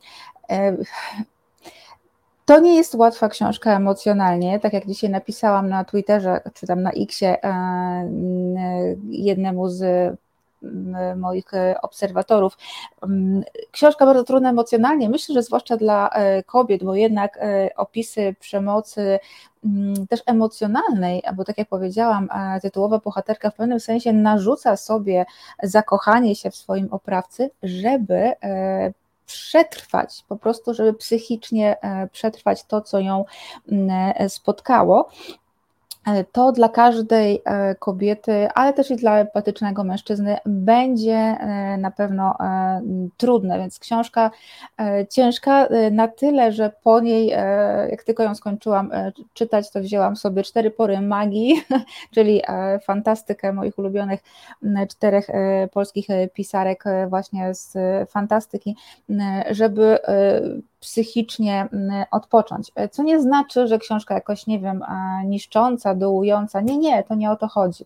Po prostu, jeżeli człowiek ma w sobie jakieś pokłady mm, empatii, no to ją e, emocjonalnie odczuje. E, tym bardziej jednak warta przeczytania, mm, poznania historii Fang czy też w dużej mierze Lin i Han książka nie jest łatwa, to znaczy e, to nie jest książka, którą sobie weźmiemy na plażę i e, zerkając na bawiące się przy wodzie dziecko, e, czy pilnując, pilnując, żeby nas słońce nie przysmażyło, mm, a jeszcze na dodatek co pewien czas przerywając, bo ktoś przebiegając nas ochlapał, obsypał piaskiem, no to nie jest ta książka. Nad tą książką trzeba się skupić, skoncentrować. Ona wymaga koncentracji, ponieważ jest, tak jak powiedziała pani Aleksandra, napisana jako mm, strumień świadomości po prostu. To jest często taki chaos myślowy, to znaczy narratorka, autorka przechodzi z myśli na myśl, zmienia plany czasowe. Nie zawsze są one od siebie oddzielone. Tutaj takie ładne znaczniki zastosowało wydawnictwo. To jest, nie jest zawsze, więc e, mamy przeskoki e, czasowe, przestrzenne, e, to się, to się bardzo zmienia. Nie zawsze wyeksponowane są dialogi, bardzo często są one wbudowane w taki lity tekst, więc książka wymagająca uwagi, wymagająca koncentracji, natomiast na pewno to, że e, trudna nie znaczy, że za trudna, absolutnie e, nie. Aleksandra Woźniak, dziękuję za rozmowę i za miłe komentarze. E, pani Olu, my dziękujemy. Mm, e, Świeta, tak, tutaj było też właśnie kilka komentarzy. Bardzo, bardzo dziękuję i za też za tłumaczenie tej książki. I zapytałam Pani Aleksandry, muszę to zrobić mailowo, czy to wydawnictwo się zgłosiło do Pani Aleksandry, żeby tę książkę mm, przetłumaczyć, czy właśnie to była inicjatywa pani Aleksandry, muszę się tego dowiedzieć. E, tym bardziej, że wydawnictwo ma już um, kolejną bardzo ciekawą e, książkę do znaczy kilka na jesień ma propozycji. Już Wam mówię, jaka jest pierwsza, 12 września się ukaże. Momencik, momencik, momencik. A, tutaj widzę, że są dalej e, komentarze dla pani Aleksandry. Aj, Boże, y, mam taki. Dobra, bałagan w telefonie. Um... Ja chyba się nie dokopię. O! Nie, to tym razem nie. Ach, przepraszam bardzo, nie tajwańska, tylko e, e, koreańska. E, książka. Przepraszam, myślałam, że kolejna tajwańska, tutaj e, tym we wrześniu jest e, koreańska. To, co chciałabym Wam jeszcze powiedzieć o tej książce, bo tutaj boję się, że troszeczkę powiedziałam, że jest trudna i że Was zniechęcę. Absolutnie nie. To jest książka, którą czyta się wbrew pozorom dobrze, nie lekko, ale e, dobrze, jest fantastycznie przetłumaczona, no i też bardzo dobrze napisana. Ten język jest e, bardzo e, ciekawy, bardzo plastyczny, fantastycznie oddający emocje bohaterek, a jest ich kilka, bo to nie tylko ta tytułowa Fang Syci, mm, ale też jej ta przyjaciółka bliźniaczka oraz ich starsza siostrzyczka, o której też wspomniałam, Iwen, także kobiet. Hmm, a właśnie, Pani Aleksandra, nie mam ochoty żyć, ale za bardzo lubię y, te boki. Właśnie tak, to jest ta książka, która, dziękuję bardzo Pani Aleksandro, y, to jest ta książka, która ukaże się y, we wrześniu. To, co na koniec muszę powiedzieć o tej książce, muszę też pochwalić wydanie. Jest bardzo, bardzo ładnie wydana książka, bardzo ciekawa okładka, też w środku bardzo fajnie, przestronnie, przestrzennie, dobrze się ją e, czyta, co też jest, e, umówmy się, bardzo e, ważne. Także, moi drodzy, było pytanie, gdzie można kupić. No na pewno na stronie wydawnictwa widziałam, że jest do kupienia, ale także w księgarniach internetowych i stacjonarnych na pewno. Ja bodajże kupowałam na, na Bonito, bo tam po prostu najszybciej zależało mi, żeby ją szybko przeczytać. Byłam bardzo ciekawa, odkąd zobaczyłam na blogu pani Aleksandry i Gosi, Małgosi Sic, która była przecież u nas też e, niedawno, rozmawiałyśmy o Okinawie i Korei. Także dzisiejsza, po, dzisiejsza no, brzydko mówiąc, polecajka Raj pierwszej miłości Funk City, koniecznie do przeczytania. Teraz robimy króciutką przerwę na muzykę i za chwilkę wracam już tym razem wyłącznie filmowo. Czas na związki. Czas na nowoczesne, postępowe związki zawodowe. Będzie kontrowersyjnie i dynamicznie. Rozmawiamy o sprawach, które mogą nas łączyć lub dzielić, jak na przykład kwestia wysokości podatków czy rola związków zawodowych.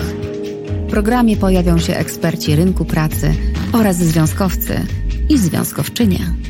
Każdą środę na 17 Piotr Szumlewicz zaprasza do Resetu Obywatelskiego.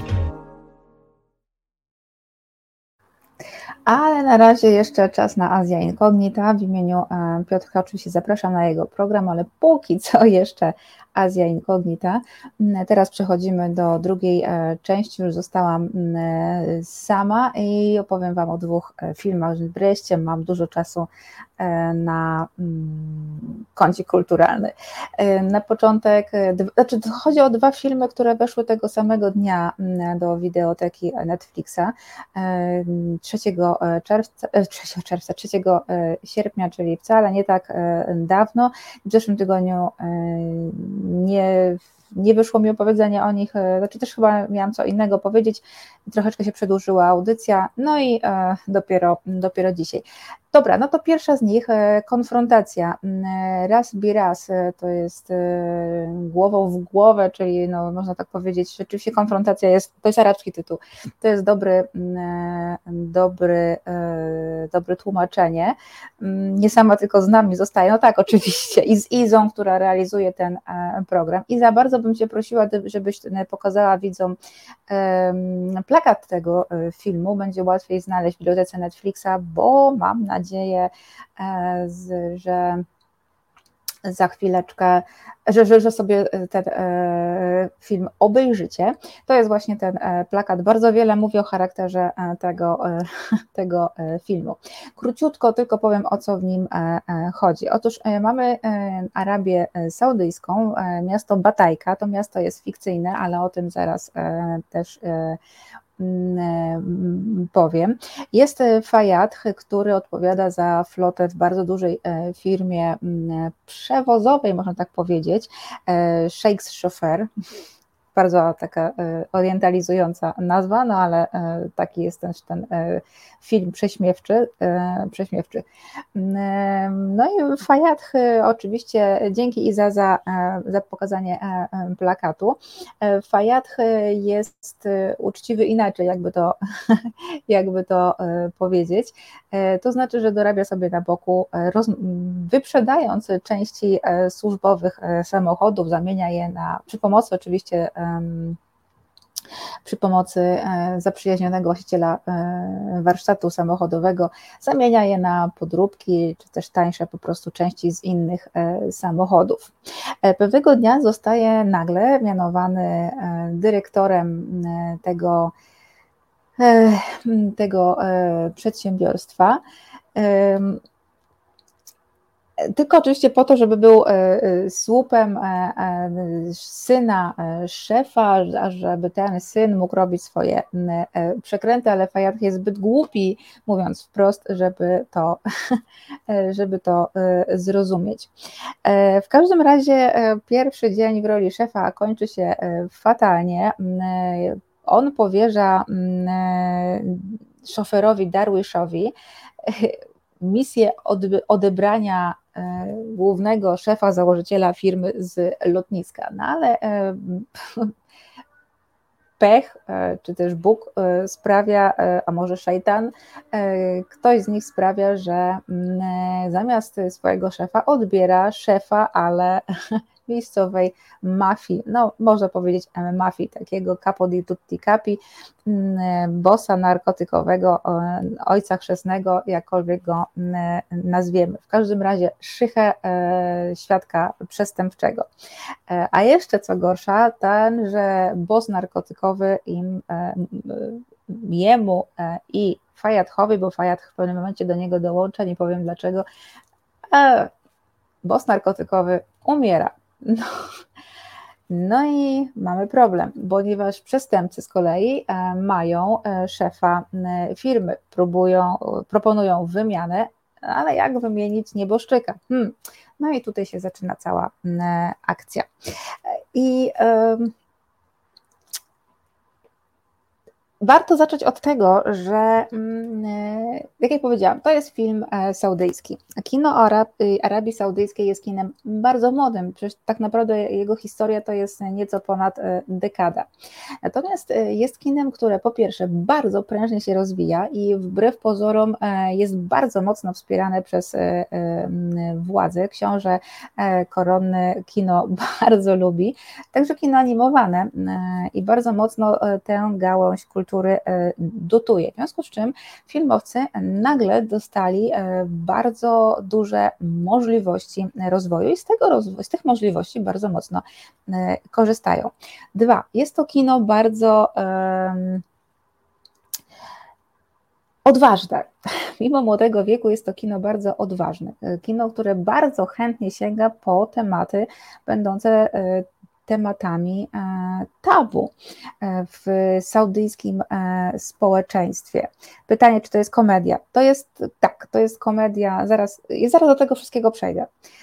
Dajcie mi chwilkę szansy, tylko chcę powiedzieć właśnie o tym kinie, żeby wprowadzić Was w charakter tej kinematografii. Kino saudyjskie, tak, z tej dyktatury świata, mm, porusza naprawdę problemy. E, moi znajomi niearabiści mówią, ale jak to takie tematy w Arabii Saudyjskiej? No tak, takie tematy w Arabii Saudyjskiej. Mm, otóż e, to kino bardzo chętnie e, na przykład sięga po problemy mm, kobiet. Mm, było już kilka filmów na temat podrzędnej roli kobiet, e, podrzędnej pozycji kobiet w społeczeństwie saudyjskiej, e, opresji e, kobiet, przemocy wobec kobiet, braku możliwości kobiet, na przykład na rynku pracy. Mm, także tak, jak najbardziej. Bardzo chętnie mm, w ogóle saudyjscy filmowcy biorą na tapet wszystkie ciemne strony społeczeństwa e, saudyjskiego, na przykład przemoc e, i przestępczość, tak jak w konfrontacji. Co ciekawe, bardzo często łączą konwencje z tematem, które teoretycznie się gryzą, no bo jak y, komedia, e, czarna e, komedia do kwestii e, przemocy wobec kobiet. No a tutaj, jak się okazuje, to się może, to się może sprawdzić, sprawdziło się w kilku przypadkach. No i konfrontacja, tak jak powiedziałam, raz w raz jest oryginalny tytuł, nie jest tutaj wyjątkiem. I teraz to jest film, który y, bierze y, na tapet mm, y, też ciemną stronę, konkretnie jedną ciemną stronę mm, saudyjskiego społeczeństwa i niemiłosiernie ją wykpiwa. Tak, bo jest to, Beata Goleberski pytała, czy jest to komedia. Tak, jest to czarna komedia i, i bardzo, e, bardzo trudno się dziwić e, jej tej konwencji, e, temu tematowi, jeżeli się zna jego mm, twórcę. Otóż mm, Malik Nedger to jest twórca słynnego serialu animowanego Masamir County. On jest chyba też dostępny, tak, jest dostępny chyba w całości. Y, na Netflixie, chyba wszystkie y, sezony. I to jest animacja bardzo obrazoburcza. Bardzo ciekawa. Niektóre odcinki mają po 10 e, minut i niemiłosiernie wykpiwają wszystkie bolączki saudyjskiego społeczeństwa. Nie wiem, od jakiejś frustracji seksualnej przez przemoc właśnie wobec kobiet i tak dalej, i tak dalej. Właśnie chociażby mm, dewocję, tak, oj, przepraszam, jakąś nadmierną dewocję i tak dalej, i tak dalej. Tych odcinków jest całkiem sporo, jest tych tematów, więc jeszcze jeszcze więcej. I w dużej mierze cały charakter Masamir County został przeniesiony do filmu Konfrontacja. Jest to pierwszy aktorski projekt Malika Nedżera. Mam nadzieję, że nie ostatni, chociaż to jest film kontrowersyjny. Widzę w recenzjach, poczytałam sobie trochę recenzji, nie jest ich jeszcze na razie dużo. No i zwłaszcza zachodnie recenzje nie są zbyt y, zachęcające. No, większość y, recenzentów twierdzi, że jest to no, no nie, no, no nie. Głównie z tego powodu, y, że fabuła wydaje się dosyć zawikłana. Natomiast ja mówię temu filmowi tak. E, ja mówię temu filmowi e, jak najbardziej e, tak. Zachęcam Was też do obejrzenia i do niepoddania się, ponieważ rzeczywiście jest sporo prawdy w tym, że ta fabuła wydaje się no, dosyć zawikłana na początku. Malik Nedżer zarzuca widza postać, ilością postaci, ilością wątków. Y, robi to wszystko bardzo szybko, y, dynamicznie, można powiedzieć, że nieco chaotycznie momentami, ale w pewnym momencie, wiecie, to jest Netflix, to nie jest kino, tak? Tutaj możecie sobie włączyć stop, cofnąć kilka scen, powtórzyć i ułoży się to w głowie. E, mi się ułożyło w głowie bez cofania i powtórek, więc naprawdę to się da. E, po pewnym, w pewnym momencie to wszystko, te wszystkie mm, wątki jak Tetris zaczyna do siebie wszystko pasować, wklejać się w te, mm, w te dziury, które e, widzimy na początku. Także warto przetrwać ten początek i E, i e, obejrzeć dalej, bo jest naprawdę e, co. No i teraz temat. Tematem jest przestępczość, ale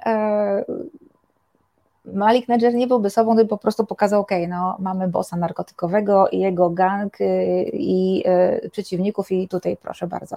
No nie, bo on po raz, e, jak, jak to na niego przystało, e, przy okazji pokazuje pewien absurd e, sytuacji. To znaczy, na przykład, cały ten gang narkotykowy ma siedzibę w przepięknym domu, nad wejściem, do, któr, do którego tak, widnieje przepięknie wykaligrafowany wielki e, napis będący cytatem z, e, z Koranu.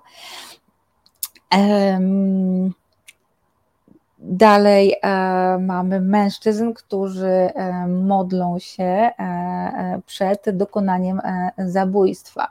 I takich przykładów, nie chcę Wam spoilerować, takich przykładów jest jeszcze kilka. Także mamy tę dewocyjną, niemalże religijność, z której Arabia Saudyjska przecież słynie na świecie a z drugiej strony e, mamy e, no, totalnie e, inny inny świat. Cała fabuła wydaje się totalnie niedorzeczna, ale też taka ma być. Tak? Malik Nadger ewidentnie zrobił to celowo, bo w tej niedorzeczności jest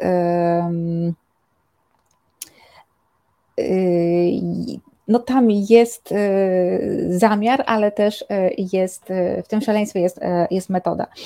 Tak jak powiedziałam, nawet najwięksi fani Nedgera mogą się poczuć w pewnym momencie przytłoczeni tym nadmiarem mm, postaci, postaci, które są totalnie groteskowe, totalnie zarysowane po prostu no, tak grubym ołówkiem, tak grubą kreską, że to przypominają raczej, mm, jakby to powiedzieć, właściwie to, no nie, no nie, nie, przypominają ludzi z krwi i kości, ale to też jest jak najbardziej e, e, efekt zamierza, zamierzony. Jest w tym wszystkim, o, o może właśnie bardziej bohaterów tych animowanych kreskówek, tak, gdzie, gdzie wiadomo, że, że no jest pewien spo, stopień odrealnienia postaci. I to jest właśnie e, tak e, tutaj. E, cały film, cała konfrontacja jest połączeniem kina akcji, groteski, czarnego humoru. Tego humoru jest tam naprawdę bardzo dużo. Też humoru sytuacyjnego absurd, y, to po prostu unosi się nad, nad wszystkim, e, jak taka czapa e, i surrealistyczny e, humor e, i wcale nie do końca subtelna satyra, ale też ta satyra nie ma być subtelna. W konfrontacji, w ogóle w twórczości, dotychczasowej twórczości Malika Nedżera, bo on zapowiada troszeczkę inną drogę w najbliższym e, czasie, nie ma subtelności. O, Swieta, taki saudyjski Borat, tak, to jest całkiem dobre, całkiem dobre porównanie. Myślę, że tak, że fani Borata odnaleźliby coś dla siebie mm, właśnie w mm, konfrontacji. Mm, I jeszcze a propos tych postaci, e, czytałam wywiady z niektórymi aktorami, którzy wprost mówili, że oni nie, nie, nie rozumieli swoich postaci, że to, one są tak groteskowe, takie dziwne, e, że oni ich nie rozumieli. Dopiero po rozmowach, długich rozmowach z reżyserem, z, coś pyknę, pykło, tak? E, I oni e, stwierdzili, że okej, okay, e, to my wiemy, to my wiemy już o co chodzi i w, potrafili się wczuć te postacie, czuli, wczuli się naprawdę fajnie. Tylko tak jak powiedziałam, no ten film trzeba oglądać z dużym przymrużeniem oka ale nie za bardzo je przymrużmy, żebyśmy nie, nie, żeby nie umknęła nam warstwa wizualna, bo ona jest mega ważna, chociaż nie przytłacza, bo czasami jest tak, że e, filmowcy chcą zrobić e, niesamowitą warstwę wizualną, ale e, ta warstwa wizualna przytłacza e, fabułę. Mm, no i e, tutaj nie, tutaj to jest równorzędne. Natomiast e, ta warstwa wizualna jest fascynująca. Samo, samo to miasto Batajka, miasto totalnie fikcyjne, no nie ma takiego miasta w Arabii Saudyjskiej. Ono według filmowców jest położone w okolicach Riyadu. Ale ono bardziej przypomina Gotham, e, Gotham, przepraszam, e, już po angielsku czytam to H, przepraszam, e, Gotham City mm, i jest tak samo mroczne, atmosfera w nim panująca jest tak samo duszna, przytłaczająca, dusząca wręcz. Natomiast rozświetlana tylko i wyłącznie neonami, które, za którymi najczęściej kryją się takie no, przybytki, powiedziałabym, e, spod ciemnej gwiazdy, jeżeli może być przybytek spod e, ciemnej e, gwiazdy. Mm, jest troszkę elementów komiksu, zwłaszcza końcówka zostaje wyjaśniona e, komiksowo, to jest dosyć ciekawe rozwiązanie. Mnie się bardzo, mm, mnie się bardzo e, mm, spodobało. E, jest też mały easter egg, czyli mrugnięcie okiem do, jak to się mówi, do kumatych, czyli fragment Mass County, który leci mm, w telewizorze E, jednego z tutaj ze, ze, ze zbirów. E, no ale to oczywiście e, trzeba, trzeba wiedzieć, trzeba wiedzieć, że, że taki film, że taka kreskówka, taka animacja istnieje. Grzesiek Dewan pisze, przepraszam, ale jak mówię, to staram się nie czytać komentarzy, bo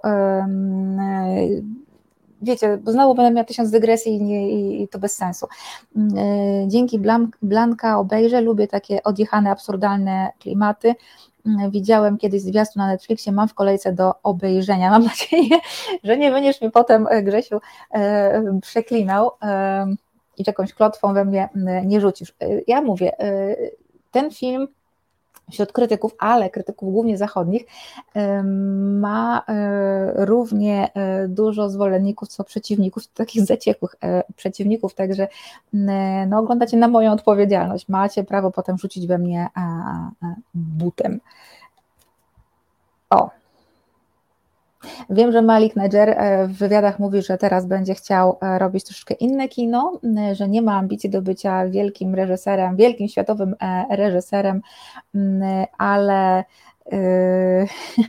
ale chce robić kino dramatyczne, że w jego kraju jest i w jego życiu jest dużo ciemnych stron, o których należy powiedzieć i i e, on się tym chce zająć teraz w sposób dramatyczny i przez kilka minut, e, przez kilka lat, przepraszam, przez kilka lat będzie takie kino e, robił. Kapitan Stratford są komedie traktujące o Holokauście, można i z granicy kiedyś. Aha, bo robicie filmy z granicy białoruskiej, no odważny, ale dlaczego nie? Grzesiek Wam spoko, fatw i innych anatem nie rzucam. Uff, dobra, no to w takim razie e, oglądaj.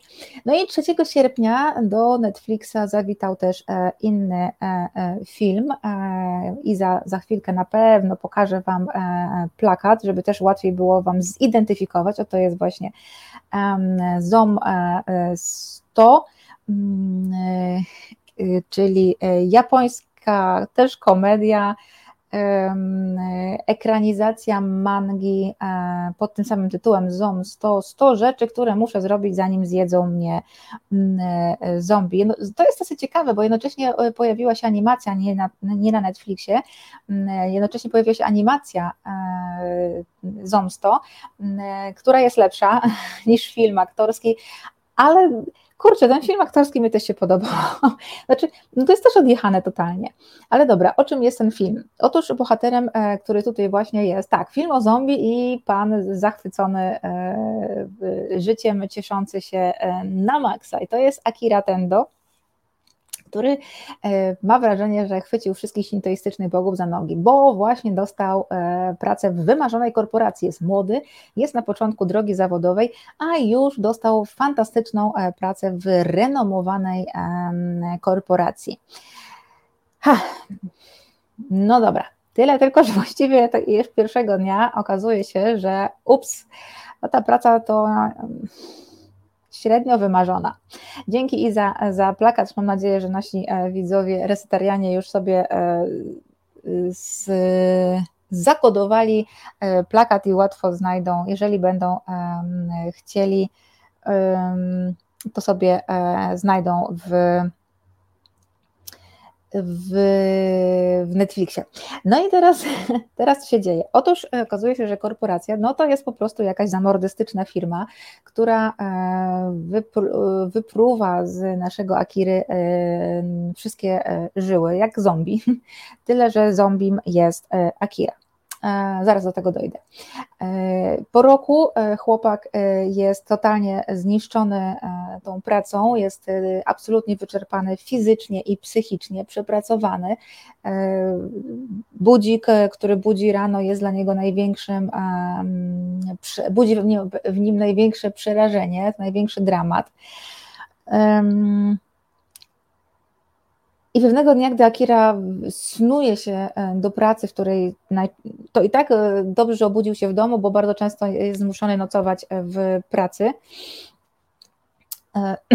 Przepraszam. Tym razem budzi się w, dom, w, dom, w swoim własnym domu, w jakiejś ciasnej dziurze. Niestety te mieszkanka japońskie są bardzo ciasne. Wiem, bo mieszkałam w takim. No i yy, Pani Blanko, można prosić jeszcze raz o tytuł tego filmu. Tak, oczywiście. A właściwie Iza możesz też zostawić yy, plakat jakkolwiek. To jest ZOM 100, 100 rzeczy, które muszę zrobić, zanim zostanę zombie, albo zanim zjedzą mnie zombie, są różne, są różne wersje. No i tego dnia Akira wychodzi z domu i okazuje się, że w Tokio no, panuje epidemia zombie. Ścigają go zombie, a on ucieka, a w pewnym momencie orientuje się, że chyba nie musi iść do pracy. I to z tego powodu jest taki szczęśliwy na plakacie, bo on nie musi iść do pracy. E, w związku z czym e, zaczyna żyć pełnią e, życia, czyli zaczyna żyć tak, jak do tej pory nie żył, bo cały czas pracował. Był zombiem. Mm, układa listę tych tytułowych 100 rzeczy, e, które musi zrobić zanim zjedzą go zombie, bo on ma świadomość, że pewnego dnia on też e, padnie e, ofiarą zombie, sam zamieni się w zombie, czy randkuje. tak, jest na liście między innymi randka ze stewardessą. Jak się skończy ta randka, bo rzeczywiście znaczy tam jest dokładnie, żeby napić się ze stewardessą. Jak się ta randka skończy? to zobaczycie, jeśli, e, e, jeśli mm, obejrzycie. Rzeczywiście e, pierwszych kilkanaście rzeczy z listy Akira z, szybko skreśla. Jest przeszczęśliwy, żyje fantastycznie. W pewnym momencie w sklepie, gdy szuka przyprawy, bo skoro już robi sobie grilla na, mm, na tarasie, wokół szaleją zombie, on robi sobie grilla, no to nie będzie jadł nieprzyprawionego mięsa, więc idzie do sklepu i tam spotyka Shizukę, dziewczynę, która jest nastawiona na samotne przetrwanie,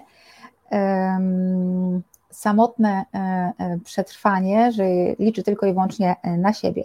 Jednocześnie po drodze Akira ratuje Kencho, Kencho, swojego dawnego przyjaciela, byłego sportowca. Dobra, i za dzięki za plakat, już no, chyba wszyscy za, za, zanotowali tytuł. Mm, kapitan Stratford strzelam, że odlotowo się skończy. A, no i właśnie ten koniec, to jest problem. Ale lecimy. No więc Akira nie chce być zombie. To jest oczywiście, nikt nie chce być zombie, ale tutaj w tym filmie to jest taka gruba metafora, no ale umówmy się, to jest e, ekranizacja mangi. Gruba metafora. Otóż zombie to są ci salarymeni. Wiecie, co to jest salarymen? Salarymen mm, to jest...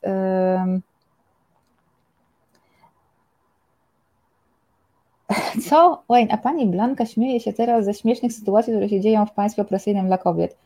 Matko bos, ja już nawet nie będę komentować, przepraszam Was bardzo. E, więc zombie to jest w tym filmie to jest salaryman. Salaryman to jest typowy e, tak zwany korpus szczur. E, salary od zarobkowania men człowiek, mężczyzna, tak? Czyli człowiek pracuje, mężczyzna pracujący w korporacji, e, spędzający tam większą część swojego e, życia, przynoszący do domu pieniądze i prawie nie znający swojej rodziny, bo jeżeli nie pracuje, to spędza czas w barze karaoke razem ze swoimi współpracownikami albo mm, śpi na takiej dworcowej E, na takiej dworcowej, dworcowej kawiarence, która czynna jest właśnie całą e, dobę, żeby e, salarymeni którzy spóźnili się na pociąg do domu, a mieszkają wokół, na obrzeżach Tokio, mogli się e, przekimać. Nie, salaryman to chyba pracownik, który bezczelnie domaga się wypłaty za pracę. Nie, salaryman to jest właśnie e, człowiek, który pracuje w korporacji albo w urzędzie mm, e, i tej, e, temu życiu podporządkowuje, i temu, tej pracy podporządkowuje całe swoje mm, życie. No i teraz chodzi o to, że ten film bardzo dobrze pokazuje mm, zmianę w społeczeństwie japońskim. E, kilka tygodni temu e, prezes Adam Glapiński e, miał konferencję, no i jak to na tej konferencji odleciał, jak zwykle, powiedział, że młodym Japończykom to już się nie chce pracować.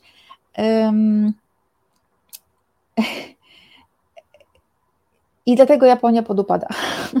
A Koreańczykom to się chce i młodym Polakom się chce i dlatego u nas będzie zarąbiście i w Korei jest zarąbiście, a w Japonii to o, o tak jest. No i to jest dramat, ale ja się muszę zgodzić z Adamem Glapińskim. E, straszne, ale prawdziwe. No to rzeczywiście młodzi Japończycy e, mają już dosyć, zdejmują krawaty, mają już po prostu serdecznie dość. E, dziadkowie i ojcowie rozsławili Japonię właśnie jako ci salarimeni, przepraszam, tak to, tak to odmieniam, no trochę paskudnie, ale inaczej nie mam jak powiedzieć ci, którzy są oddani kultowi pracy, są tymi, tymi Kaisia Noinu, um, Kajsia no Inu, Kajsia firma, Inu pies, czyli ten e, człowiek totalnie przywiązany do firmy jak pies do budy. E, Kajsia Ino Ino już nie jest fajne, tak? już e, firma, Kajsia nie jest domem, e, dom to dom, a firma to firma. I, I, młodzi ludzie coraz częściej właśnie myślą jak Akira, mają dosyć bycia zombie, bo zombie jest właśnie takim e, sterowanym e, przez szefów, totalnie posłusznym, bezmózgim, też pragnącym mózgu, y, bezmyślnie spełniającym oczekiwania wszystkich y, wokół, tylko nie własne.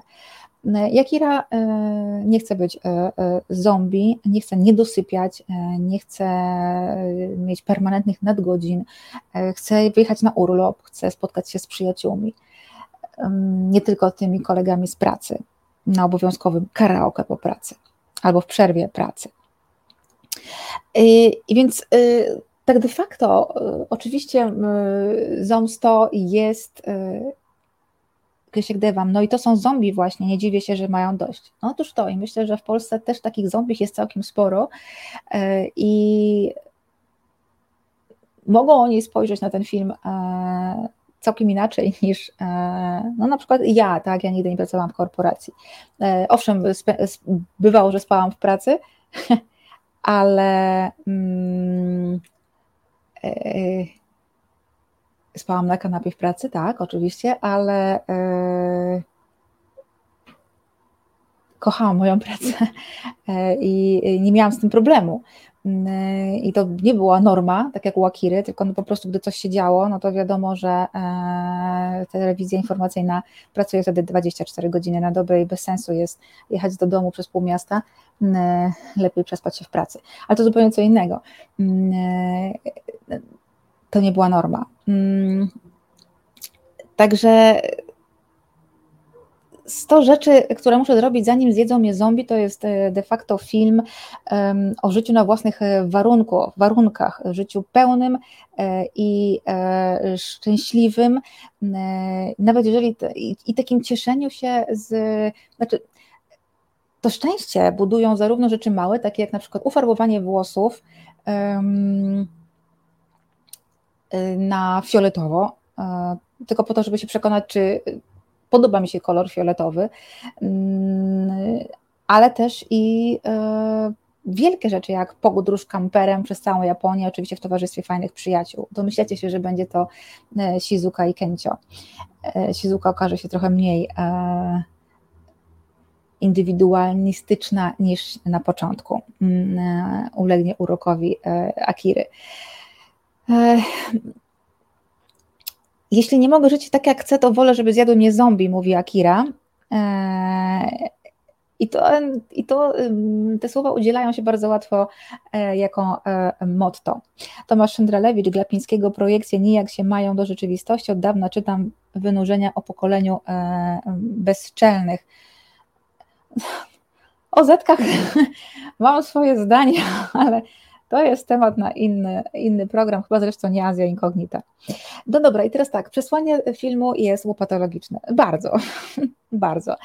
E, natomiast, jak powiedziałam, no, film jest. Jest e, ekranizacją mangi, więc też nie przesadzajmy, nie szukajmy tam jakiejś e, potwornej, niesamowitej głębi analizy psychologicznej. Postacie są bardzo uproszczone, są schematyczne, Mm, ale też taki ma być ten e, film. Więc jeżeli chcecie e, no, poważnej analizy młodego pokolenia e, Japończyków w stylu, nie wiem, Akiry Kurosawy, no to może niekoniecznie jest to ten film. To jest rozrywka, to jest stricte mm, rozrywka i jest to rozrywka lekka, chociaż nie obrażająca inteligencji widzów. Właśnie tym miał być ten film i tym jest. Problem jest taki, mm, że nie utrzymuje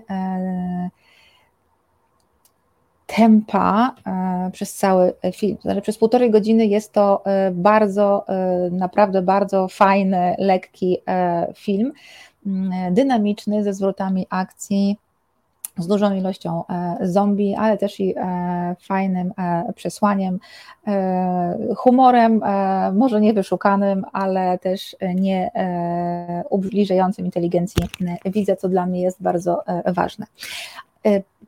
Problem e, to to, że e, te półtorej godziny zasadza się na e, niesamowitym entuzjazmie Akiry, czy też grającego go aktora. Ten entuzjazm, ta nieprawdopodobna radość z wyzwolenia się z okowów Kaishi, firmy, po prostu sprawia, że ten film płynie, a widzowi ta niesamowita radość się e, udziela i ogląda się ten film po prostu z bananem na twarzy. Mm, e, I ta, ten entuzjazm, ta radość e, powoduje, że wszystkie takie tam dziury scenariuszowe jakoś da się tam, wiecie, przymknąć oko na to. Yy, I też bardzo ważna jest chemia między trójką e, tych bohaterów, między Kencio, Akirą i e, Shizuką. To jest też tu dużo bardzo robi. Mm, natomiast no niestety, e, aha, no i to też sprawia, że dialogi, które momentami są no, dosyć drętwe, sprawiają, że no to, znaczy to te dialogi też się da jakoś przeżyć, bo naprawdę są, jest, jest, jest fajnie. Natomiast zostaje nam jeszcze prawie 40 minut e, i w pewnym momencie film e, e, siada. Mm, siada, Akira nie jest w stanie dłużej pociągnąć za, za sobą filmu. Zaczyna się bardzo mangowo no i, i sztampowo strasznie sztampowo. Jest to taki Hollywood klasy B, C albo nawet mm, D, taki nieznośny patos z amerykańskich filmów superbohaterskich, no bo de facto e, Akira ma być superbohaterem e, w takim kostiumie pływackim. Zobaczycie sami.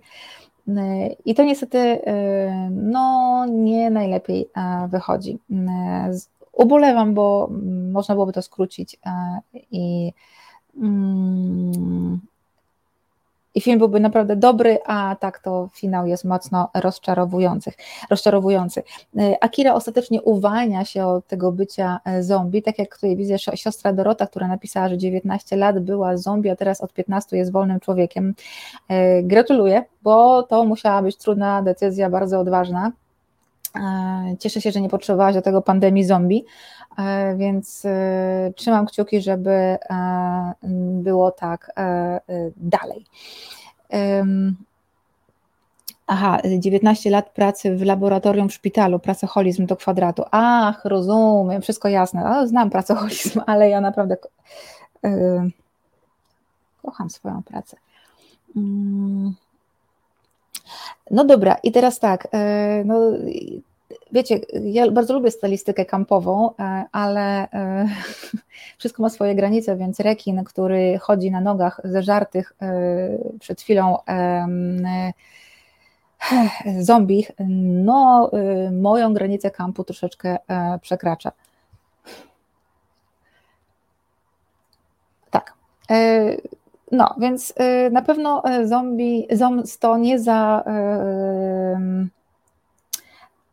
nie zapisze się w, w historii filmów o zombie, natomiast pokazuje, że, że w tej niszy ciągle jeszcze można powiedzieć coś nowego, tak? No bo to jednak jest nowotorskie spojrzenie na, na to, na filmy o zombie. I w momencie, kiedy ja to napisałam na Kulturazji w recenzji tego filmu w zeszłym tygodniu, Okazało się, że jest jeszcze nowa rzecz, tym razem koreańska, ale jestem dopiero w połowie, po czwarty, dzisiaj obejrzałam czwarty odcinek Zombieverse, który jest jeszcze inną interpretacją kina zombiakowego. Na, może o tym, Wam o tym opowiem za tydzień, bo na pewno już skończę do tego czasu. Zobaczymy. Mm, więc. Yy... Ach, siostra Dorota, osiągnęłam stan zombie i podjęłam decyzję o odejściu z ukochanej pracy, żeby dalej żyć. Yy, siostra Dorota, ja Cię doskonale rozumiem, bo właśnie odeszłam z pracy, którą e, kochałam. E, właśnie, żeby żyć psychicznie. Mm, więc doskonale Cię e, o tym rozumiem. E, róże koreańskie filmy, szczególnie horrory są super, zgadzam się w 100%.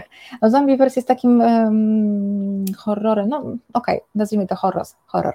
E, tutaj e, Beata Goleberskiej pisze, dziękuję za polecajki filmowe, na coś się skuszę. Jeśli miałabym polecać, to może kon konfrontację no dobra, wybierajcie sobie sami, tylko od razu mówię, oba te filmy bardzo podzieliły widownię.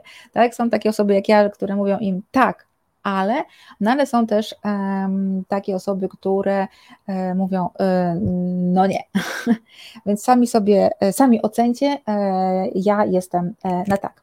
Słuchajcie, w przyszłym tygodniu, jeśli bogowie pozwolą, muszę to potwierdzić, ale mam nadzieję, że się nic nie zmieni. Mm, znowu Tajwan w pierwszej części. Na, punktem wyjścia tym razem jest ta książka, Kraj utracony. Widzicie zakładkę, jestem tutaj. Kraj utracony. E, to jest e, książka o aborygenach tajwańskich, wydana przez wydawnictwo e, Dialog i o tym porozmawiam. Natomiast to nie będzie audycja, jeśli wszystko wyjdzie, to nie będzie audycja na żywo, ponieważ pan doktor, który będzie nam o aborygonach tajwańskich opowiadał, jest uwaga, na Tajwanie, a ja jestem człowiekiem bywam człowiekiem e, dobrym i empatycznym i no i stwierdziłam, że jednak mimo wszystko o pierwszej w nocy y, rozmowa może być dużym wyzwaniem dla mojego eksperta, więc po prostu nagramy e, ten e, program wcześniej. Nie wiem, czy w całości, myślę, że, że w całości. Ładna okładka, pisze kapitan Stratford. Tak, rzeczywiście ta okładka się dialogowi bardzo mocno udała. Także miejmy nadzieję, że w przyszłym tygodniu, że na pewno zrobimy tę audycję, ale mam nadzieję, że. Um, że w przyszłym tygodniu. Grzesiek, gdy mam nawiązanie w tytule do raju utraconego Miltona, tak, też to na to zwróciłam uwagę e, e, e, Grześku. Mhm. No dobrze, to w takim razie kończymy już. Jarosław Szczepański na pewno czeka już na Was ze swoim gościem. Zapraszam Was bardzo serdecznie, to są bardzo ciekawe rozmowy, a my widzimy się za tydzień. Dziękuję Wam w imieniu moim oraz Izy, która program realizowała. Reset Obywatelski.